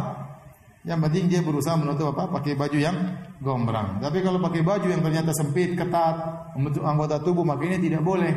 Ini tidak boleh kalau dilihat oleh para lelaki, karena itu berpakaian tapi telanjang. Wallahu alam bisawab. Demikian saja kajian kita pada kesempatan kali ini. Mohon maaf banyak pertanyaan yang bisa saya jawab. Kurang lebihnya saya mohon maaf. Subhanakallah bihamdik asyhadu an la ilaha anta ilaik. Assalamualaikum warahmatullahi wabarakatuh. Bismillahirrahmanirrahim. Assalamualaikum warahmatullahi wabarakatuh. Alhamdulillahi ala ihsanih wa syukru lahu ala taufiqihi wa amtinani wa asyhadu an la ilaha illallah wahdahu la syarika lahu ta'ziman li sya'nih واشهد ان محمدا عبده ورسوله الداعي إلى رضوانه اللهم صل عليه وعلى اله واصحابه واخوانه hadirin dan hadirat yang dirahmati oleh Allah Subhanahu wa taala kita melanjutkan pembahasan kita dari tafsir juz amma dan kita sampai pada surat Al-Fajr ayat 14 surat Al-Fajr ayat 14 bagi yang memiliki buku ini ya buka halaman 361 361 setelah Allah bercerita tentang apa yang menimpa Fir'aun, kemudian kaum Samud, kaum Ad yang mereka dibinasakan oleh Allah Subhanahu wa taala. Allah mengatakan, "Inna rabbaka labil mirsad." Sungguhnya Tuhanmu benar-benar mengawasi. Yaitu Allah buktikan bahwasanya apa yang mereka lakukan Firaun dan bala tentaranya, kaum Samud, kaum Ad, semuanya benar-benar di bawah pengawasan pengawasan Allah Subhanahu wa taala. Tidak ada satupun kezaliman yang mereka lakukan yang terluputkan dari pengetahuan Allah. Seluruh kezaliman yang mereka lakukan diawasi dan dicatat oleh Allah Subhanahu wa taala. Makanya ya terkadang Allah balas di dunia, terkadang Allah tunda dan Allah balas di akhirat. Allah berfirman, "Wala tahsabannallaha ghafilan amma ya'malu dhalimun." innama yuakhiruhum liyaumin tashkhasu fihi al-absar. Kata Allah janganlah engkau menyangka bahwasanya Allah lalai dari apa yang dilakukan oleh orang-orang berbuat zalim. Sungguhnya Allah menunda azab mereka di hari kiamat kelak. Jadi kezaliman yang terjadi di alam semesta ini ya, dari dulu dan seterusnya sampai hari kiamat semuanya tercatat. Tidak ada yang luput dari catatan Allah Subhanahu wa taala. Makanya Allah mengatakan Inna rabbaka labil mirsad. Sungguhnya Rabbmu mengawasi. Tidak ada yang terluput dari pengawasan Allah Subhanahu wa taala. Dan ini pelajaran bagi kita. Kita pun hati-hati ya. Kalau kita di dunia ini melakukan suatu kemaksiatan, kita takut kalau ada CCTV dipasang ya. Tiba-tiba kita bisa menjadi orang alim mendadak, orang beradab mendadak karena kita tahu ada CCTV yang mengawasi kita. Ingatlah bahwasanya Allah Subhanahu wa taala Maha mengawasi, Maha mengawasi. Tidak ada satupun yang kita lakukan yang terluputkan dari pengawasan Allah Subhanahu wa taala. Setelah itu masuk pada ayat 15 dan 16 Allah menyebutkan tentang sifat orang-orang kafir. Kata Allah Subhanahu wa taala, "Fa ammal insanu" Adapun manusia itu dan sebagian ulama menyatakan setiap lafal al-insan dalam juz amma dalam surat-surat Makkiyah maka maksudnya adalah orang kafir. Karena sebagaimana sering kita jelaskan bahwasanya surat-surat dalam juz amma rata-rata adalah surat Makkiyah. Dan surat Makkiyah adalah surat yang diturunkan sebelum Nabi berhijrah ke kota Madinah. Oleh karenanya topiknya biasanya mengingatkan tentang sifat-sifat orang kafir. Oleh karena itu kalau Allah mengatakan wa ammal insanu Ya, fa ammal insan, adapun manusia, adapun manusia, maksudnya adapun manusia yang kafir. Bagaimana sifatnya? Idza mabtalahu rabbuhu fa akramahu wa na'amahu fa yaqulu rabbi akraman. Apabila Tuhannya mengujinya, lalu memuliakannya dan memberikannya kesenangan. Ini dalil bahwasanya ya, kesenangan, kekayaan itu ibtila, itu ujian. Makanya Allah mengatakan fa ammal insanu idza mabtalahu rabbuhu seorang manusia tatkala diuji oleh Rabbnya dengan apa? Fa akramahu wa na'amahu dengan kekayaan, dengan harta, dengan kenikmatan. Fa yaqulu Rabbi akraman. Maka dia berkata, Rabbku telah memuliakan aku. Wa amma idza mabtalahu faqadara alaihi rizqahu. Adapun jika Tuhan yang mengujinya dengan ujian yang lain, yaitu rizkinya dikurangi, fa yaqulu Rabbi ahanan. Maka dia berkata, Robku telah menghinakan aku. Inilah sifat orang kafir yang mereka mengukur pemuliaan atau penghinaan dengan harta. Menurut mereka, menurut pola pikir mereka, kalau orang diberi harta, diberi kenikmatan, diberi kekayaan, maka dia dimuliakan. Dia dimuliakan oleh Tuhan. Tapi kalau dia diberi kemiskinan, berarti dia sedang dihinakan oleh Tuhan. Dan ini tidak benar.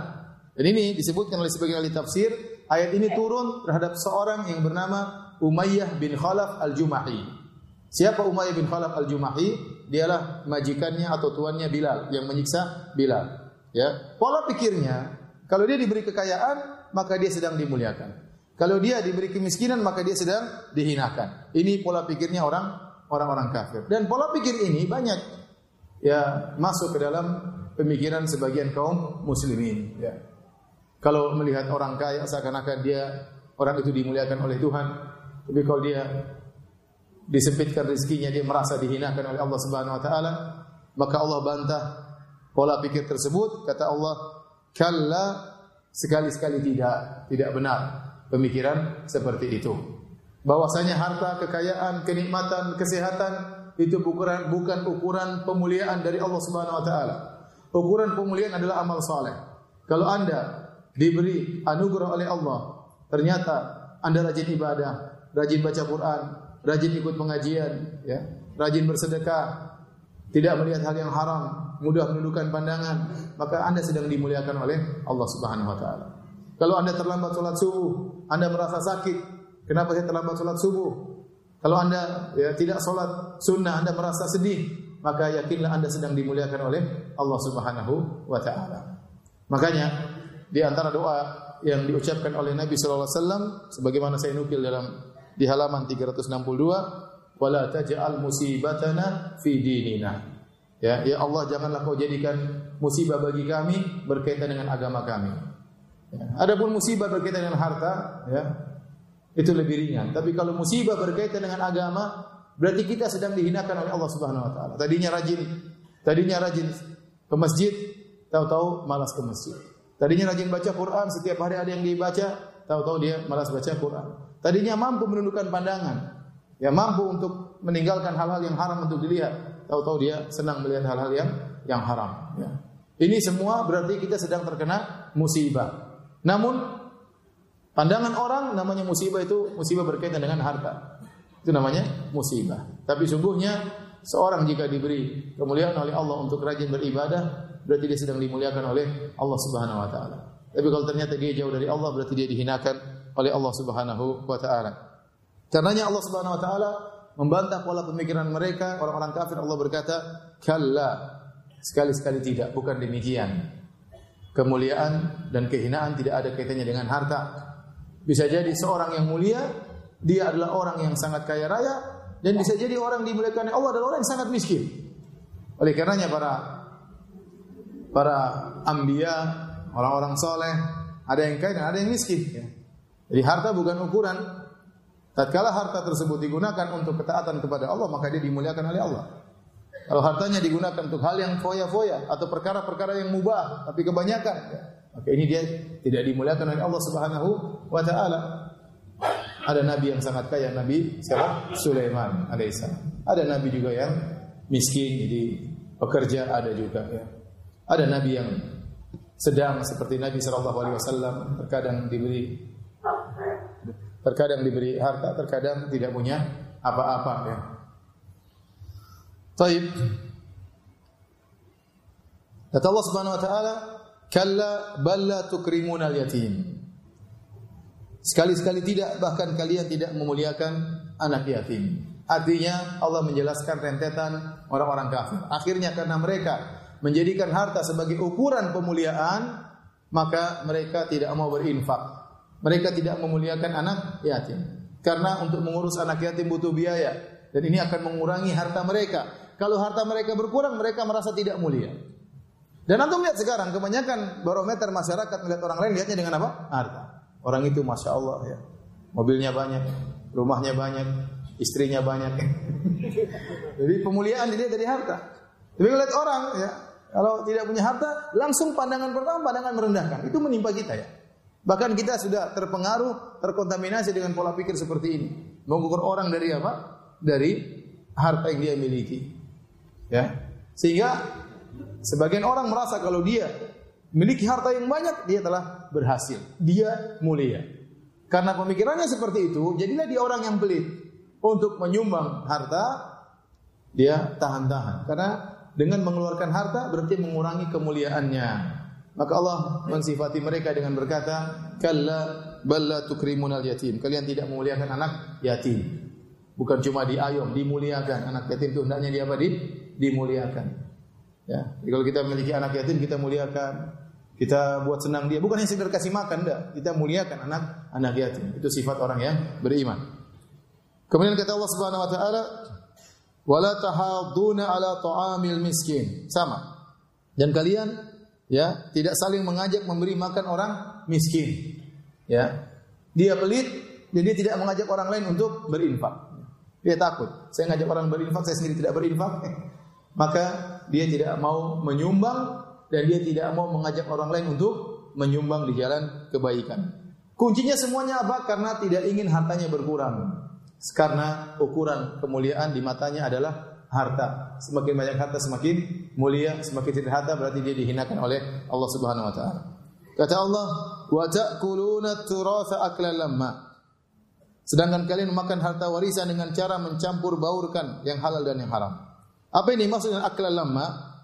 Saya nukilkan situ perkataan Ibnu Zaid, yaitu yang memakan segala sesuatu yang ia dapati. Ia tidak bertanya tentang harta di tangannya apakah halal ataukah haram. Ia juga memakan miliknya dan milik orang lain. Yang penting yang ada di tangannya dia akan makan, tidak peduli dari mana sumbernya. Ya, karena tujuan dia adalah mendapatkan harta yang banyak, apakah dengan cara yang benar, cara yang halal atau cara yang haram dia tidak pedulikan, yang penting hartanya hartanya banyak. Dan sebagian saya sempat bertanya kepada sebagian ikhwan yang tinggal di negara kafir, sebagian orang kafir tidak semua, mereka memiliki sifat seperti ini ya. Makanya tatkala acara Idul Fitri, kemudian ikhwan-ikhwan di salah satu negeri kafir ya, ikhwan-ikhwan kemudian membuat membuka acara makan bersama, maka mereka heran ya. Ada acara makan bersama. Apalagi kalau diundang makan di rumahnya dihidangkan dengan hidangan yang mewah, mereka heran ya. Di sebagian negara di mereka ya, bahkan kalau ada uh, cowok dan cewek berpacaran nanti pergi ke restoran bayarnya sendiri-sendiri. Bayarnya sendiri-sendiri. Bahkan suami istri kadang-kadang kalau sudah pergi ke restoran bayarnya apa? Sendiri-sendiri. Terkadang anaknya tinggal bersama dia kalau sudah lewat umur untuk kerja dikasih harus kamu bayar di rumah ini ya. Sampai seperti itu tingkat pelit di antara mereka. Sampai kawan saya cerita, Ustaz kalau mau dakwah mereka sebagai masuk Islam ajak makan saja. Mereka heran. Ada orang kok begini buang-buang apa? Duit, ngajak makan, ngajak makan, ngajak makan ya. Sebagian mereka benar-benar pelit luar biasa, ya. Pikirannya sendiri-sendiri bagaimana dia yang penting dia enjoy. Dia tidak ganggu orang, tapi dia juga tidak mau di, diganggu ya. Orang Islam tidak demikian, ya. Orang Islam meyakini bahwasanya harta yang dikeluarkan itu adalah bekal dia di akhirat kelak. Kata Allah Subhanahu wa taala, di antara sifat-sifat orang kafir, wa tuhibbunal mala hubban jamma dan kalian mencintai harta dengan kecintaan yang sangat dalam. Ini bahaya sifat seperti ini. Cinta harta dengan kecintaan yang sangat sangat dalam. Benar-benar ingin mengumpulkan harta, menumpuk harta, ya, ingin memiliki ya, harta sebanyak-banyaknya. Dia tumpuk, dia tumpuk, dia tumpuk karena dia cinta kepada harta dengan kecintaan yang sangat dalam. Dan orang seperti ini akhirnya pelit. Karena dia mengumpulkan harta dengan susah payah, kemudian dia mau keluarkan, dia merasa apa yang saya kasih mereka? Saya sudah setengah mati, berusaha apa yang mengumpulkan cintaan harta terhadap harta luar luar biasa.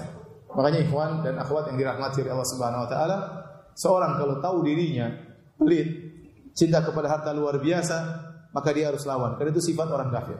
Itu sifat orang kafir. Dia harus nekat maksakan dirinya untuk berinfak. Nekat, latih dirinya, lawan uh, sifat pelitnya, lawan kecintaannya terhadap harta yang luar biasa. Ya, harus dia lawan. Padahal ya, kalau dalam Islam diajarkan bahwasanya harta yang sesungguhnya adalah yang kita investasikan untuk akhirat. Saya sebutkan hadis itu dari Aisyah radhiyallahu taala anha. Nabi pernah bertanya kepada Aisyah waktu Nabi menyuruh Aisyah membagi-bagikan kambing disedekahkan maka Nabi bertanya ma baqiya minha wahai Aisyah bagian kambing mana yang masih tersisa? Qalat kata Aisyah, ma baqiya minha illa katifuha. Tidak ada yang tersisa dari kambing semuanya sudah dibagi, yang tersisa cuma bagian pundak kambing yang belum dibagi. Maka apa jawaban Nabi SAW? Membuat pola pikir yang lain, kata Nabi, baqiya kulluha ghairu katifiha. Semua yang sudah dibagikan itulah yang tersisa. Justru yang belum dibagikan itu yang tidak tersisa, akan sirna di dunia ini. Tetapi yang sudah dibagikan itulah yang tersiksa, tersisa bagi seorang di akhiratnya. Makanya kalau para ulama mengatakan kalau Anda ingin menyimpan harta di tempat yang paling aman, simpanlah di sisi Allah Subhanahu wa taala. Tidak takut dicuri oleh pencuri, kalau makanan tidak tidak takut akan rusak dimakan ulat, caranya bagaimana? Sedekahkan. Simpan di sisi Allah, Anda pasti akan mendapatkan hasilnya di akhirat kelak bahkan dengan keuntungan berlipat ganda. Saya selalu ingatkan kita kalau kita sekarang eh, apa namanya membuat mempunyai apa? tabungan untuk istri kita, untuk anak kita biar mereka nyaman. Ingat kita juga harus punya tabungan untuk diri kita, tapi tabungan di akhirat ya. Tabungan di akhirat.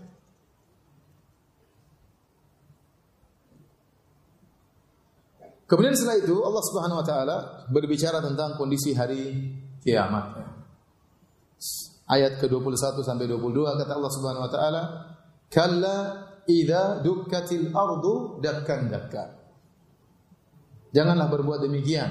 Ya. Ingatlah apabila bumi digoncangkan berturut-turut. Itu kalian pelit, kalian makan harta yang haram, kalian simpan-simpan harta, kalian cinta harta dengan kecintaan yang luar biasa. Ngapain melakukan demikian? Akan tiba hari kiamat. Kalian akan meninggal dunia dan kalian akan dibangkitkan tatkala hari kiamat, yaitu kapan? Idza dukkatil ardu dakkan dakka. Tatkala bumi digoncangkan dengan berturut-turut.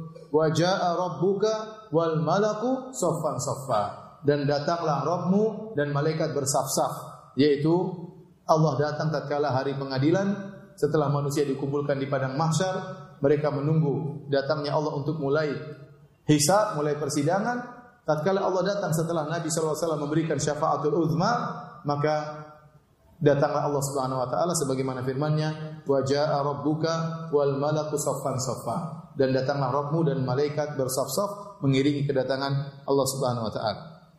Kemudian Allah sebutkan waji'a yauma idzin bi jahannam maka pada hari tersebut akan didatangkan neraka jahanam, didatangkan neraka jahanam. Wahai orang-orang kafir yang cinta harta dengan kecintaan yang dalam, yang pelit, yang tidak memuliakan anak yatim, yang makan harta dengan cara sembarangan, yang halal dan haram dimakan. Ingatlah suatu hari kalian akan dibangkitkan dan akan didatangkan neraka jahanam. Akan didatangkan neraka jahanam. Yang ini dalil bahwasanya neraka jahanam sudah ada.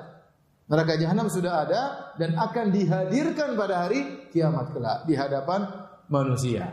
Sekarang ini juga sudah ada neraka jahanam. Surga sudah ada, neraka jahanam sudah sudah ada. Makanya Allah mengatakan uiddat lil kafirin. Neraka jahanam disiapkan bagi orang-orang yang kafir.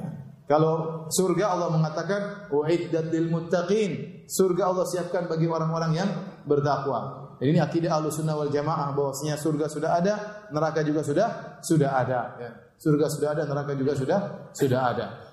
Oleh karena saya sering sampaikan bahwasanya uh, kalau seorang majikan misalnya atau seorang bos berkata kepada uh, kepada anak buahnya, kalau kalian bekerja dengan baik, saya akan bikinkan rumah bagi kalian. Ini bos yang pertama. Bos yang kedua mengatakan, kalau kalian bekerja dengan, dengan baik, rumah sudah ada, tinggal masuk. Mana yang lebih menarik? Rumah sudah ada atau mau dibikinkan? Sudah ada. Demikian surga. Surga sudah ada, tinggal masuk. Neraka juga sudah ada, tinggal nyemplung. Waliyadzubillah. Sudah ada, tinggal masuk. Oleh karena pada hari kiamat neraka akan didatangkan. Kata Allah Subhanahu wa taala, "Waji'a yauma idzin bi jahannam." Pada hari tersebut neraka akan didatangkan. Dalam hadis Abdullah bin Mas'ud, kata Nabi sallallahu alaihi wasallam, "Yu'ta bi jahannama yauma idzin laha sab'una alfi zimamin." Pada hari tersebut akan didatangkan neraka jahanam yang memiliki 70 tali. Ma'akulli zimamin sab'una alfi malakin yajurrunaha. Setiap tali 70 ribu tersebut, setiap tali ditarik oleh 70 ribu malaikat yang menghadirkan, menarik neraka jahanam tersebut. Seperti digeret untuk dihadirkan. Nah, ini menunjukkan ya neraka diikat oleh 70 ribu tali dan setiap tali ditarik oleh 70 ribu malaikat dan kita tidak tahu betapa besar, berapa besarnya satu malaikat yang menarik tali tersebut. Ya, intinya neraka jahanam sangat besar dan sangat luas. Ya. Oleh karenanya dalam Al-Qur'an dalam ayat yang lain Allah berfirman, "Yauma naqulu li jahannam halim talati wa taqulu hal min mazid." Pada hari tersebut kami berkata kepada neraka jahanam, "Apakah engkau wahai neraka sudah penuh?" Kata neraka, "Belum." Apakah ada tambahan? Ya. Ternyata neraka itu sangat apa? Sangat luas. Untuk orang Bekasi seluruhnya cukup. Masih berlebihan. Waliyatubillah ya. Semoga kita tidak masuk di situ ya. Saya orang Ceger bukan orang Bekasi. Tapi ini mengerikan. Bayangkan Allah bertanya, ya, "Alim talati, kau sudah penuh wahai neraka?" Mereka bilang, hal min mazid. Masih ada tambahan enggak? Makanya Nabi SAW suatu hari pernah mendengar suara batu yang jatuh. Kata Nabi, itu batu jatuh ke dasar neraka jahanam telah dijatuhkan sejak 70 tahun. Baru kemudian jatuh sekarang. Berarti neraka jahanam sangat-sangat dalam. Kemudian sangat-sangat luas. Di antara bukti neraka jahanam sangat luas, dimasukkan matahari dan rembulan dalam neraka jahanam untuk membuat menyesal orang-orang yang tatkala di dunia menyembah matahari dan rembulan. Ternyata sembahan mereka juga menemani mereka dalam neraka jahanam. Ya. Oleh karenanya neraka tersebut ditarik oleh 4 miliar 900 juta malaikat. 70 ribu kali 70 ribu berapa? 4 miliar 900 malaikat yang menarik tali tersebut untuk menghindarkan, menghadirkan neraka jahanam.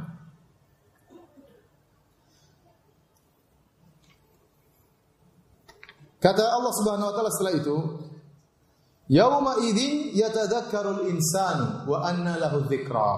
Maka tatkala di hari neraka jahanam, di hari kiamat, maka pada hari tersebut manusia akan sadar, akan ingat.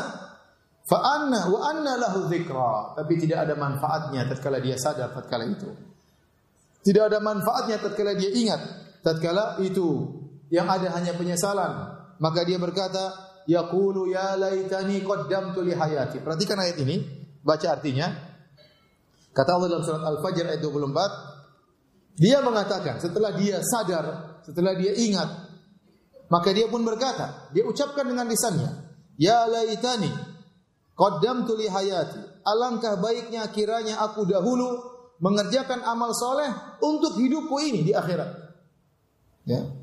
Jadi di dunia itu hanyalah kehidupan yang fata morgana, yang sesungguhnya kehidupan di akhirat. Qaddamtu li hayati. Kenapa aku tidak dahulu tidak beramal soleh untuk aku serahkan untuk aku lakukan bagi kehidupanku yang sesungguhnya ini. Kehidupan di, di akhirat. Dia menyesal. Nah, penyesalan ini penyesalan ini dijelaskan oleh Ibnu Katsir rahimahullahu taala jelas diungkapkan oleh orang kafir. Orang kafir menyesal. Kenapa dia dahulu tidak beriman? Kenapa dia dahulu hanya berfoya-foya? Kemudian para pelaku maksiat jelas menyesal. Kenapa dia dulu bermaksiat? Kenapa dia hanya mengikuti memuaskan hawa nafsunya yang cuma sebentar, kemudian dia mengorbankan kenikmatan yang abadi? Ya, kenapa dia mengikuti syahwatnya yang hanya mendapatkan kelezatan sesaat yang kemudian berujung dengan penyesalan dan kehinaan yang abadi? Pelaku maksiat menyesal. Kata Ibnu Katsir rahimahullah, demikian juga orang yang taat menyesal pada hari tersebut. Orang yang taat menyesal pada hari tersebut, ya. Kenapa? Dia membayangkan seandainya dia berhayal seandainya waktu di dunia dia lebih banyak beramal soleh. Sekarang sudah selesai. Sekarang tinggal hari pembalasan Yaumaddin. Seandainya dia dia menyesal, coba saya bisa kembali lagi. Dia sudah taat, tapi dia ingin lebih taat lagi. Dia ingin lebih banyak bersedekah lagi. Dia ingin lebih banyak sholat malam lagi. Dia ingin lebih banyak berbakti kepada orang tuanya. Orang ini berbakti kepada orang tuanya. Orang ini bersedekah. Orang ini sholat malam. Orang ini baca Quran. Tetapi dia menyesal juga. Karena dia tahu betapa besar manfaat amal soleh yang dia lakukan. Ternyata efeknya sangat luar biasa di akhirat kelak. Di akhirat kelak. Ya. Makanya ikhwan ya, kita ini di dunia cuma 60 tahun, 70 tahun kita disuruh beramal soleh dan hasilnya sangat luar biasa berkaitan dengan kehidupan kita yang abadi. Saya sering sampaikan, kita hidup di dunia ini taruhlah kita hidup 60 tahun kemudian kita dipanggil oleh Allah Subhanahu wa taala. Banyak di antara kita yang sebelum itu sudah meninggal dunia.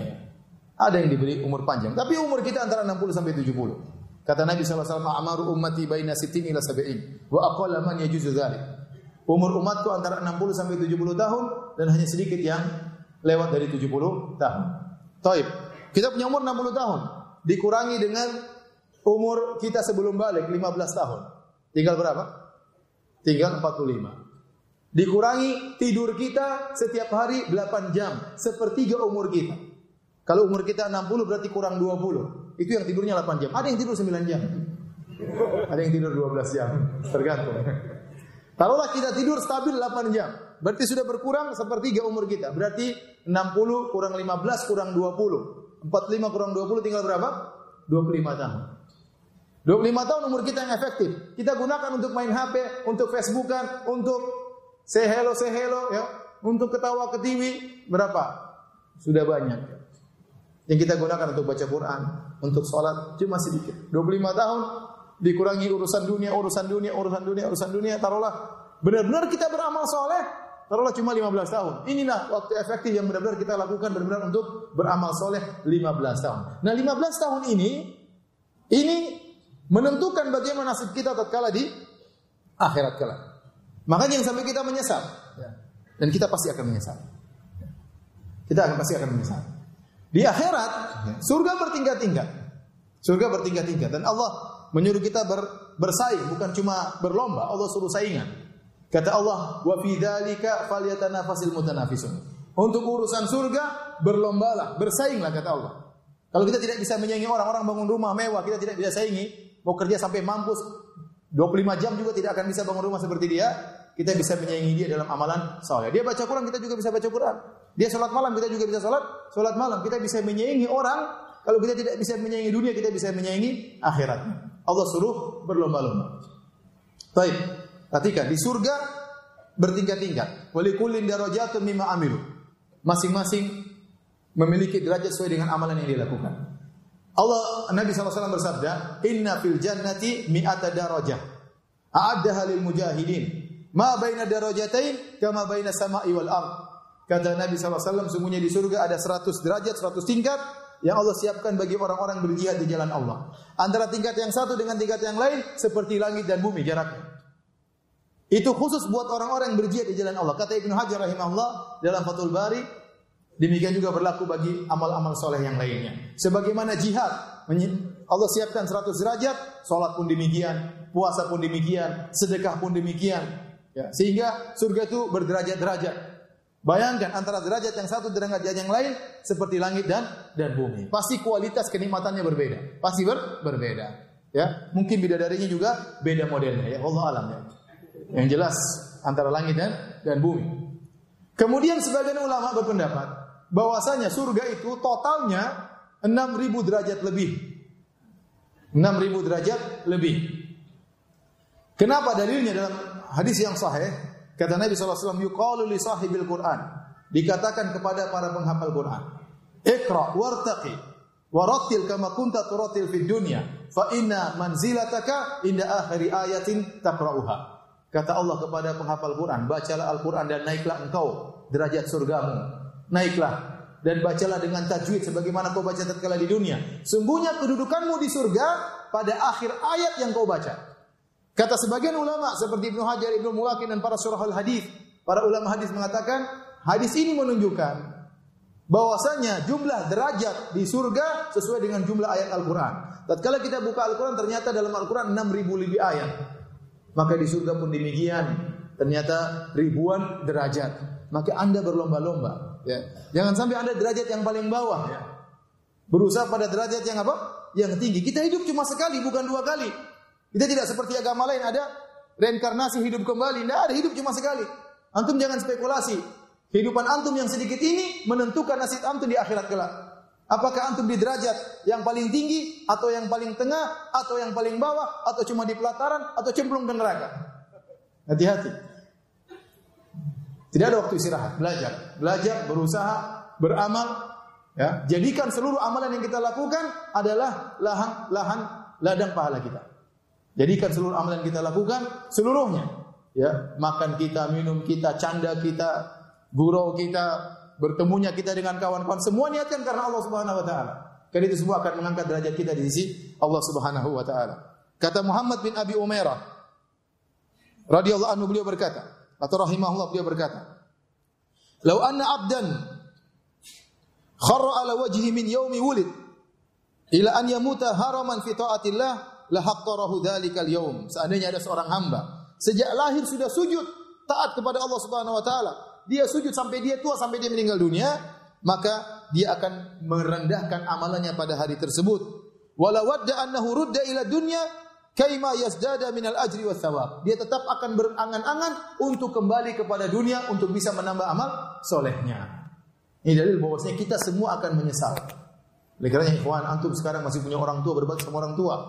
Ya, jangan jangan kurangi bakti antum. Nanti antum menyesal pada hari kiamat kelak. Kalau antum sudah dibangunkan Allah jam 3 malam, jangan tidur lagi, bangun salat, nanti anda menyesal. Kenapa saya tidur lagi? Ya. Antum nanti menyesal. Antum ada kehendak keinginan baca Quran, maka baca, jangan jangan tutup lagi Al-Quran, nanti antum menyesal. Terbetik dalam hati antum ingin salat duha, segera berwudu, segera salat duha. Nanti antum akan menyesal saat-saat tersebut. Kenapa dulu saya tidak lakukan? Terbetik hati antum ingin bersedekah, sedekah. Bismillah, jangan ragu-ragu. Nanti antum akan menyesal suatu hari. Terbetik hati antum ingin poligami, stop dulu.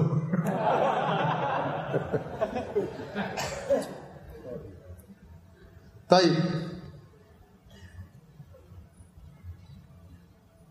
Adapun orang-orang kafir, waliyadzubillah, maka mereka sejak mereka cabut roh mereka, mereka sudah terpenuhkan dengan penyesalan. Sejak dicabut roh mereka, dipukuli oleh malaikat. Walau tara idh yatawaffa alladhina kafaru al-malaikatu yadribuna wujuhahum wa adbarahum Wadhuku adzabal harik. Seandainya kau bisa melihat bagaimana ruh orang kafir tatkala dicabut dari badan mereka, dipukuli oleh malaikat, depan mereka, belakang mereka dan dikatakan kepada mereka, rasakanlah adab yang yang pedih. Kemudian tatkala mereka masuk dalam liang lahat di alam barzah, mereka pun tentu sangat menyesal, ingin dikembalikan ke dunia. Apalagi tatkala mereka telah diazab di neraka jahanam, maka penyesalan semakin bertambah-tambah.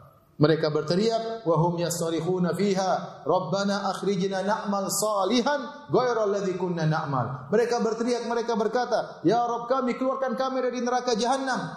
Kembalikan kami ke dunia kami akan beramal saleh." Tidak seperti amalan kami tatkala di dunia dulu. Tapi percuma, tidak ada manfaatnya. Maka Allah bercerita tentang neraka jahanam kata Allah, "Fa yauma idzil la yu'adzibu adzabahu ahad." Maka pada hari tersebut tidak ada yang mengazab seorang pun seperti azabnya Allah. Di dunia ini kalau ada orang bengis, orang sadis, mengadab dengan sesadis-sadisnya, masih kalah dengan adab Allah di neraka jahanam. Kalau ada orang sekarang mungkin sadis, ambil orang disiletin, kasih cuka, kasih jeruk, dengan berbagai macam model penyiksaan. Tidak ada bandingannya dibandingkan siksaan Allah tatkala di neraka kelak. Kata Allah Subhanahu wa taala, "Wala yuthiqu wathaqahu ahad." Tidak seorang pun yang akan membelenggu bagaimana belenggunya Allah tatkala di neraka jahanam kelak. Tidak ada yang bisa menyaingi siksaan Allah. Saya katakan demikianlah. Sebagaimana tidak ada yang bisa menyaingi nikmat yang Allah sediakan di surga, demikian juga tidak ada yang bisa menyaingi siksaan yang Allah siapkan di neraka jahanam. Dalam kiroah yang lain, fayauma idzil la yu'adzabu bukan yu'adzibu. Fayauma idzil la yu'adzibu adzabahu ahad. Itu artinya secara letterlet pada hari tersebut tidak ada yang mengadab seperti adabnya Allah. Dalam kiroah yang lain, fayauma idzil la yu'adzabu dengan sigo majhul. Fayauma idzil la yu'adzabu adzabahu ahad. Tidak seorang pun disiksa seperti orang kafir ini. Kalau ayat pertama, kiroah yang pertama, tidak ada yang menyiksa seperti siksaan Allah. Kiroah yang kedua, tidak ada yang tersiksa seperti tersiksanya orang orang ini. Maknanya sama. Maknanya sama, cuma beda uh, apa namanya fokusnya. Kalau kiroah yang pertama yang sering kita baca dalam keseharian kita yaitu fokusnya kepada Allah, bahwasanya tidak ada yang mengadab seperti adabnya Allah. Tapi pada kiroah yang kedua tidak ada yang teradab seperti orang kafir ini kalau diadab di di neraka jahanam. Bayangkan Ibnu Abbas berkata ahwanu alinna ahwanu ahli nari adaban yaumal qiyamah Abu Talib. Orang yang paling ringan adabnya pada hari kiamat kelak adalah Abu Talib. Yang ta'ilu ya bin alaihi minan nar yaghli bihima dimaghuhu atau kama qala Nabi SAW kata Ibnu Abbas Rasulullah SAW bersabda orang yang paling ringan adabnya pada hari kiamat kelak adalah Abu Thalib pamannya. Dia menggunakan sendal dari api apinya cuma di kakinya saja. Betisnya tidak kena api cuma kena kakinya doang cuma kena telapaknya tetapi otaknya mendidih itu adab yang paling ringan siapa yang bisa mengadab seperti menyiksa seperti siksaan tersebut Allah sebutkan tentang neraka jahanam. Allah sebut tentang orang-orang kafir, bagaimana kesudahan mereka neraka jahanam. Setelah itu Allah pindah pada paragraf yang baru tentang orang-orang yang diberi kenikmatan para penghuni surga. Dan itulah metode Allah dalam Al-Quran, ada targib, ada terhib. Ada motivasi, ada peringatan. Ada neraka, ada surga. Dan itu banyak dalam Al-Quranul Karim. Makanya kalau kita baca tafsir, kita baca per paragraf. Paragraf ini ide pokoknya apa? Apa kaitannya dengan paragraf berikutnya? Di paragraf yang terakhir Allah sebutkan tentang orang-orang yang beriman. Kata Allah, "Ya ayatuhan nafsul mutmainnah." Wahai jiwa yang tenang. Ya. Yaitu mereka yang tenang dengan keimanannya kepada Allah, yakin dengan hari pembalasannya. Mereka lah orang-orang yang yakin dengan janji Allah akan pahala dan ganjarannya pada hari akhirat kelak. Mereka lah orang-orang yang tidak terbelenggu dengan ketamakan dunia, bukan orang yang cinta dunia, bukan orang yang tidak memuliakan anak yatim bahkan memuliakan anak yatim, bukan orang yang pelit. Mereka ini orang-orang yang jiwa mereka tenang yakin dengan adanya hari akhirat, yakin dengan Allah Subhanahu wa taala. Apa kata Allah? Irji'i ila rabbiki radiyatan mardiyah. Kembalilah kepada Tuhanmu wahai jiwa yang tenang dengan hati yang puas lagi diridhoi. Ada yang mengatakan ini adalah perkataan para malaikat kepada setiap orang beriman yang meninggal dunia. Kalau akan meninggal dunia, malaikat datang mengatakan, Ya ayat Tuhan nafsul mutmainnah, irji'i ila rabbiki radiyatan mardiyah. Kembalilah kepada Tuhanmu dalam kondisi kau senang dan kau disenangi oleh Allah Subhanahu wa taala. Radiyah artinya sang jiwa tersebut senang. Mardiyah artinya diridhoi. Dia senang dan Allah pun senang sama dia. Dia senang dan Allah pun senang sama dia. Kenapa? Dia adalah hamba yang beriman. Yang jiwanya beriman kepada Allah Subhanahu wa taala disenangi oleh Allah, dinantikan kedatangannya oleh Allah Subhanahu wa taala. Oleh karenanya Allah muliakan dia sejak dicabut nyawanya Allah sudah muliakan muliakan dia. Ada yang mengatakan irji'i ila rabbiki, kembalilah kepada pemilikmu. Ada yang mengartikan itu jasadmu, artinya kau akan dikembalikan di surga kepada jasadmu. Setelah selama ini kau dipisahkan dari jasadmu, tatkala di surga kelak akan dikembalikan kepada jasadmu agar kau sempurna dalam merasakan kenikmatan-kenikmatan surga. Ya. Sebelum Allah mengatakan kita di dunia kaitan ruh dengan jasad ada tiga kaitan. Di antaranya tatkala di dunia, di dunia yang paling utama merasakan adalah jasad. Namun hati juga terkena efek dari jasad tersebut. Tapi yang paling utama yang langsung merasakan adalah apa? Jasad. Di alam barzah tatkala ruh dikeluarkan dari jasad, maka yang mendominasi sekarang ruh. Yang paling utama merasakan adalah apa? Ruh. Meskipun jasad juga akan merasakan efeknya. Di akhirat kala sama-sama mendominasi 100% sama-sama atau 50% 50%. Ruh dan jasad sama-sama merasakan kenikmatan. Dan itu di akhirat kala ruh akan dikembalikan kepada kepada jasad. Oleh karenanya Firman Allah, "Irji'i ila rabbiki" diartikan segera menuju surga, segera menuju surga, ya. Dan ini adalah pujian atau pemulihan Allah kepada sang hamba. Seperti firman Allah dalam surat Al-Qamar, lihat Allah berfirman, "Innal muttaqina fi jannati wa nahar." Sungguhnya orang-orang bertakwa berada di surga-surga dan di sungai-sungai. Fi maq'adi sidqin inda maliki muqtadir. Sungguhnya orang bertakwa itu berada di tempat yang disenangi di sisi Tuhan yang berkuasa. Allah sebutkan orang yang bertakwa berada di sisi Tuhan, di sisi Malik, sang raja, sang raja yang maha raja, yang maha kuasa. Allah muliakan dia, dia berada di sisi yang maha raja, yang maha kuasa dari Allah Subhanahu wa taala. Ada seorang awam, saya waktu dengar klip di di internet di YouTube, ada seorang awam cerita, ada seorang ibu-ibu, dia senang sekali baca ayat ini.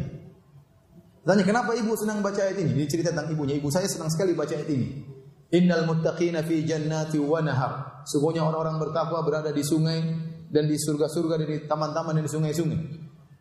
Fi maq'adi sidqin inda malikin muqtadir. Di suatu tempat ya yang mulia di sisi yang maha raja, yang maha kuasa. Ya, dia mengatakan kita saja ini bicara tentang Arab Saudi kita saja kalau dipanggil disuruh duduk di, di samping Raja Fahad, waktu zaman Raja Fahad, kita sudah senangnya kayak apa? Apalagi kalau di sisi Allah Subhanahu wa taala. Atau kalau dipanggil ya kemudian oleh penguasa, presiden pun duduk di sampingnya, senang orang ya. Apalagi di sisi siapa? Allah Subhanahu wa taala. Maka ini bentuk kemuliaan Allah kepada hambanya yang beriman. Kata Allah Subhanahu wa taala, "Fadkhuli fi ibadi." Masuklah engkau ke dalam jamaah hamba-hambaku. Artinya bersamalah engkau bersama orang-orang soleh. Ya, ini kabar gembira bahwasanya engkau tidak masuk surga sendirian.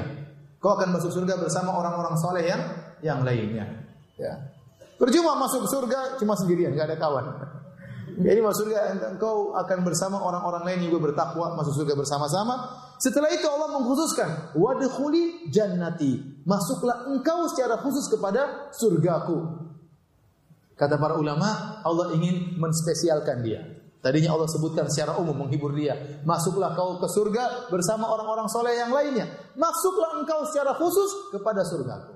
Tatkala jiwa diajak berbicara dengan dikatakan kepadanya masuklah engkau spesial ke dalam surgaku tentu dia merasa dimuliakan oleh Rabbul Alamin oleh Allah Subhanahu wa taala semoga Allah Subhanahu wa taala masukkan kita semua dalam surga.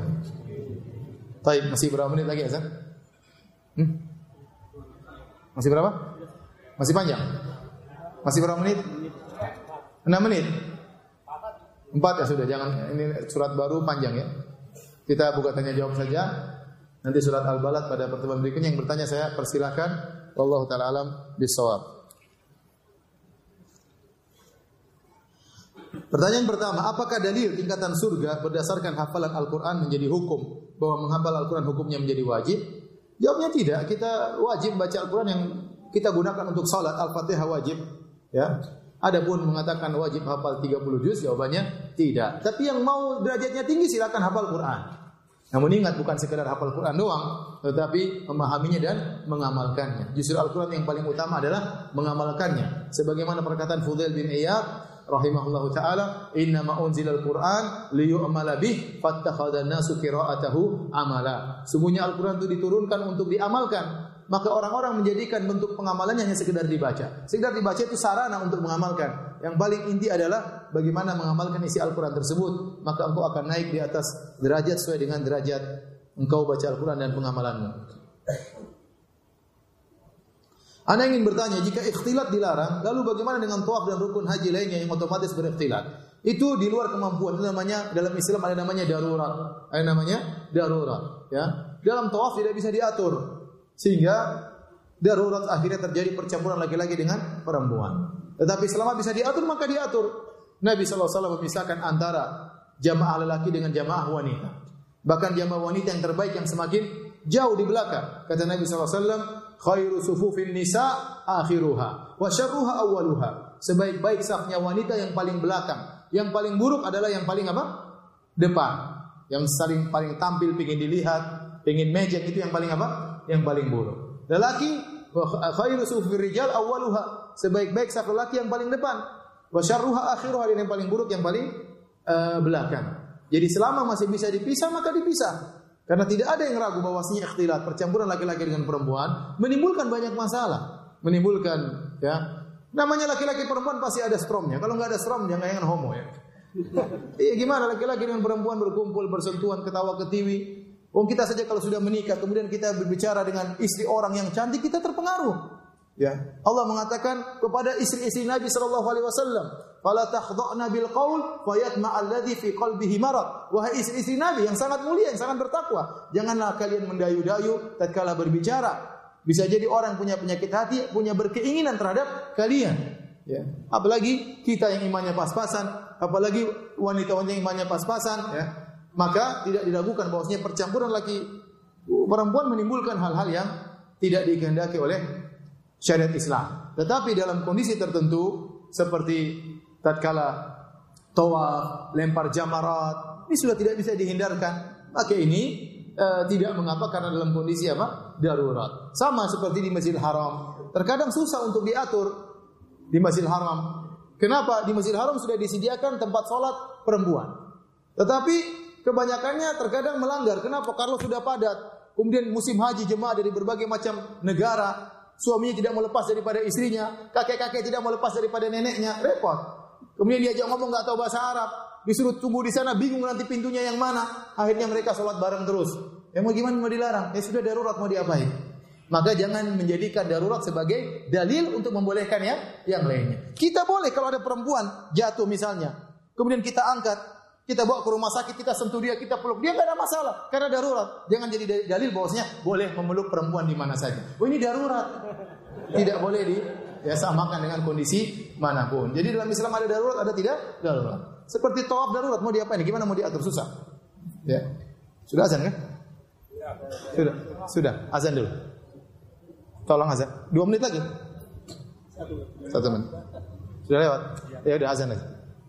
Azan baru kita lanjut lagi. Ada ada muazinnya? Hmm. Ya salatnya belakang. Oh izin dulu. Ayo udah kita sholat dulu. Habis sholat kita lanjutkan sebentar. Demikian. Assalamualaikum warahmatullahi wabarakatuh. Bismillah, Alhamdulillah, salatu wassalamu ala rasulillah wa ala alihi wa sahbihi wa ala. Pertanyaan berikutnya, Ustaz saya ingin bertanya, bagaimana hukumnya bila bertemu dengan calon istri untuk membicarakan persiapan nikah? Boleh bertemu dengan calon istri, tetapi harus ditemani dengan mahramnya. Mahramnya temani duduk di sampingnya, jangan ke belakang dapur ya. Jadi duduk di situ ada mahramnya ngobrol nggak ada masalah. Ya, karena harus ada mahram, tidak boleh mereka berdua berikhtilat ngobrol-ngobrol di situ uh, nanti dikhawatirkan terjerumus dalam hal-hal yang uh, haram. Kalau mereka berkhalwat bukan berikhtilat. Kalau mereka berkhalwat khawatir terjerumus dalam hal yang haram. Apa Ustaz mau tanya, jikalau teman kasih makanan uang, apakah harus menanyakan halal atau haram sumbernya? Tidak, tidak harus. Ya, tidak harus. E, kecuali ada sesuatu yang meragukan ya. Kalau sesuatu meragukan kita boleh bertanya. Tapi kalau tidak, hukum asalnya orang kasih hadiah kita kita terima ya, menyenangkan hatinya.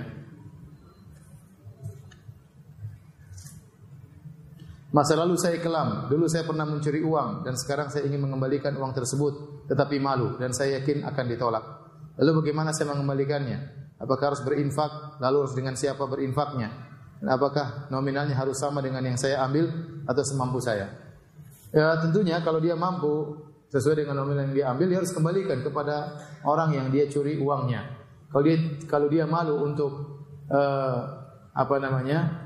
Untuk mengasih tahu, maka bisa dia cari tahu nomor rekeningnya dia kirim atau dia kirim masukkan dalam amplop kemudian dia titipkan dan dia pastikan bahwasanya sudah sampai ke orang tersebut ya. Dia boleh kirim surat kaleng tanpa harus menyebutkan namanya ya.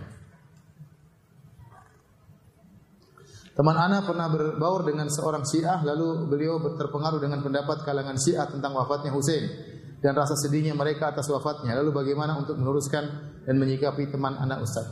Silakan eh, baca buku tentang masalah ini atau ada ceramah saya judulnya tentang tentang judulnya tentang peristiwa 10 Muharram.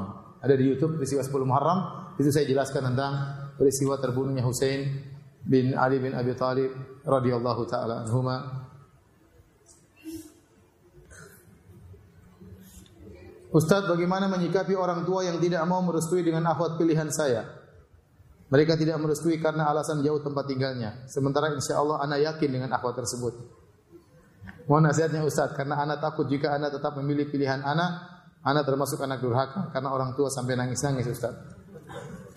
Antum merayu terus, jangan berusaha. Yakinkan sama orang orang tua. Istikharah, minta agar Allah melembutkan hati mereka. Rayu orang tua insya Allah tidak susah ya.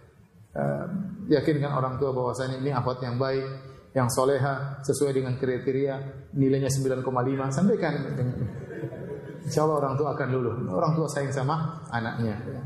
Masalah jauh, yakinkan bahwasanya kalau saya, saya setelah saya menikah, saya tidak akan meninggalkan orang tua, saya tidak akan melupakan orang tua. Tunjukkan bahwasanya anda adalah anak yang soleh. Ustadz, apa yang dimaksud dengan salafi garis lurus? Saya juga tidak tahu salafi garis lurus. Apa ada salafi garis bengkok? Salafi garis miring? Salafi underscore? Saya nggak tahu. Jangan terpedaya dengan slogan-slogan atau gelar-gelar. Yang kita nilai adalah hakikat ya. Kata dalam kaidah uh, usul atau kaidah fikih al-ibrah bil haqa'iq la bil asma ya, bil ma'ani la bil mabani. Yang menjadi patokan adalah hakikatnya bukan penamaannya. Ya, itu yang penting. Seorang boleh menamakan dirinya salafi garis lurus atau apa garis garis lurus ya. Tapi cek benarkah akidahnya benar ya benarkah uh, manhajnya benar ya? yang yang kita perlu perhatikan adalah hakikatnya Nabi Adam alaihissalam diturunkan ke bumi karena memakan buah khuldi di surga. Apakah kalau kita masuk surga lalu memakan buah khuldi tersebut akan kembali ke dunia?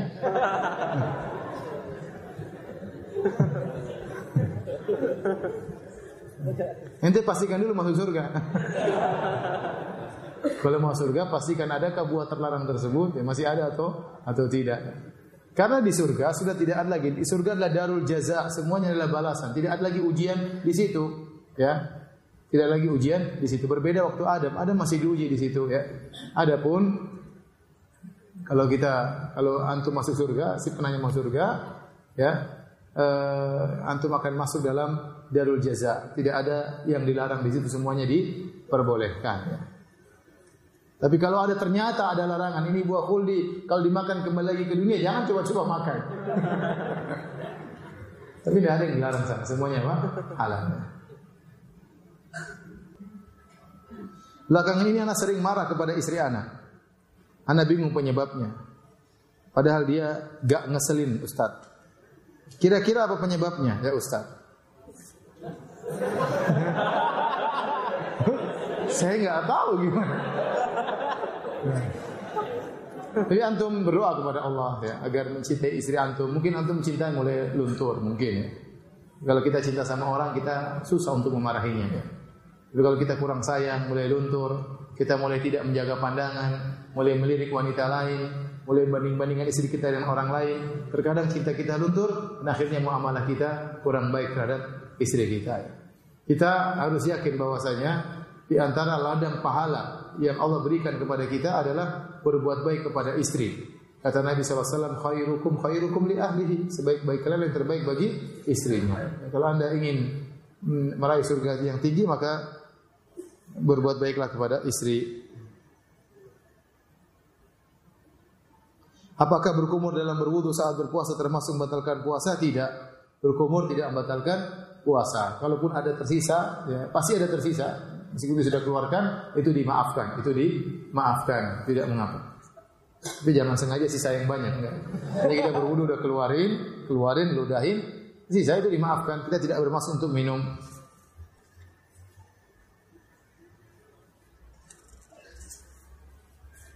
Baik, demikian saja yang bisa saya jawab. Subhanakallah bihamdik, asyhadu an la ilaha anta astaghfiruka wa atubu ilaik. Assalamualaikum warahmatullahi wabarakatuh.